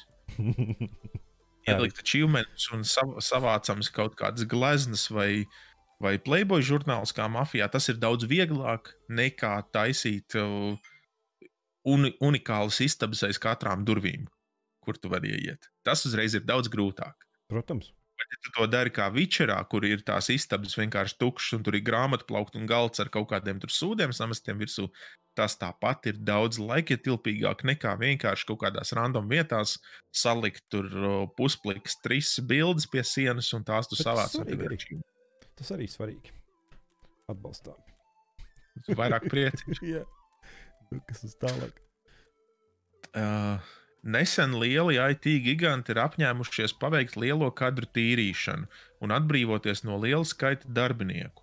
Piemēram, Microsoft atbrīvos 10 000 darbinieku, kuri lielā mērā ir darbojušies tādos projektos, kas saistīti ar Xbox, Starfield, Redfall, Halo un arī dažādām Bethesda spēlēm. Kā jūs domājat, šāda kadru masveida tīrīšana uzlabos projektu veiktspēju un efektivitāti, vai arī otrādi? Tajos parādīsies kompetenci trūkums, ko īsā, laik īsā laikā neizdosies sakārtot. Tādās kompānijās tur pilnīgi pajāt. Atnāk jauns boss, viņš īstenībā nesaprot, ko tā komanda dara un ko viņi darīt. Viņam ir vieglāk atlaist uh, cilvēkus. Un, uh, tas, godīgi pateikšu, tā ir tāda pavasara tīrīšana. Nu, ķipa. Nu, jā. Man liekas, nezinot konkrētā uzņēmuma struktūru un iekšējo birokrātiju, nezinot arī to, kā ir strukturēta katra no mazajām komandām, kādi ir viņiem uzdevumi tiem cilvēkiem, viss, uz šo jautājumu nav iespējams atbildēt. Nu, tas ir tikpat labi, es varu savā izde, izdzertajā tējas krūzē skatīties un zīmēt. Jo ja tur ir bijusi, ja tas lielais daudzum, cilvēku daudzums ir traucējis progresam, tad, protams, tas var uzlabot, var pātrināt visādus procesus. Ja tev lēmumu pieņemšanai vajadzīgi divi cilvēki, nevis jāiet pieciem dažādiem līmeņiem cauri, protams, tas viss uzlabo. Bet tajā pat laikā tāda kadru tīrīšana var beigties ar to, kas Twitterī notiek. Ka tur vienam cilvēkam jāpaveic piecu cilvēku darbs tikai tāpēc, ka viens jefiņš, kurš ir nopircis Twitter, ir izdomājis, ka viņiem taču nav nemaz tik daudz darba, viņi to var izdarīt. Nu, mm, Tieši tā. Visādi var būt. Nu, mēs nevaram no malas to pateikt. Nē, esot uzņēmumā, perfekti ne, nepārzinot uh, uzņēmuma iekšējo struktūru, no malas to ir neiespējami. Bet katrā ziņā tādam uzņēmumam tā kā Microsoft tas tikai nāks pa labu. Nu, No, ja, ja es būtu Microsoft pusē, atbrīvoties no visa liekā, protams, ka tur noteikti atbrīvojas no tā, kam varbūt kas bija vajadzīgs, bet, nu, palielinām tāpat tās puse tur ir liekēži. Tā kā šie Twitter video, kur tās meitenes. Es neesmu redzējis Twitter darbinieku, tās meitenes, kas viņas strādā. No rīta es aizēju uz sapulcīti, tad es aizēju uz kafetēriju, paņemt uh, tēņu. Tagad es ēdīšu pusdienas, tagad man ir 30 minūšu relaks pots, tagad es aiziešu uz vēl. Es, brāmens, Es noskatījos to video, Dejina Twitter.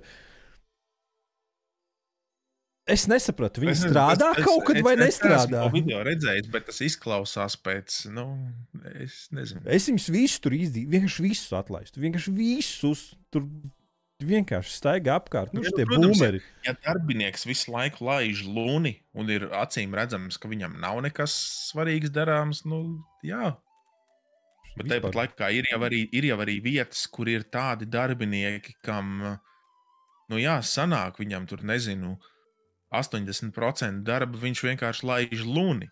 Bet tajā pat laikā var būt, ka tos 20% darba, kad viņam ir kaut kas jādara, varbūt viņam ir kaut kāda skili, kas nu, ir tik ļoti rēti, un viņš ir tik krūts darbinieks, ka nu, citi nevar to izdarīt.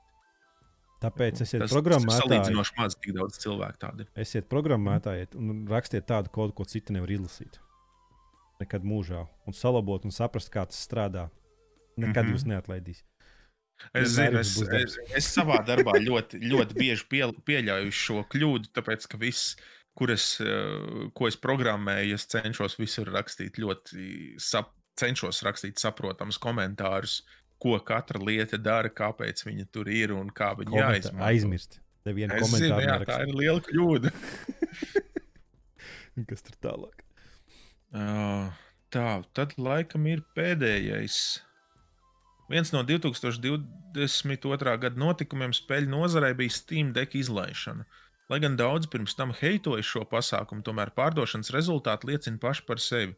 Tie ir vairāk kā pārliecinoši. Turklāt lietotāju atsauksmes arī ir ļoti pozitīvas, tajā skaitā bijušo hateru atsauksmes. Kā jūs komentētu šo panākumu atslēgu? Valve neplāno apstāties pie šīs ierīces, bet plāno gan tās uzlabotas versijas izlaišanu, kā arī plāno citu ierīču izlaišanu saistītu ar spēļu jomu. Kā jūs domājat, kādām ierīcēm varētu būt potenciāls, ko Valve varētu izlaist turpmākajos gados? Stream deku ir tā, ka Steam, nevis Stream, bet Steam deku tāda, ka mēs neesam auditorija. Tā ir auditorija, ir tie cilvēki, kas dienā pavada divas stundas sēžot vilcienā. Es nevaru iedomāties, lai es mājās gribētu sēdēt uz kaut kāda maza ekrāna, ja man ir dators. Nu, ķipa.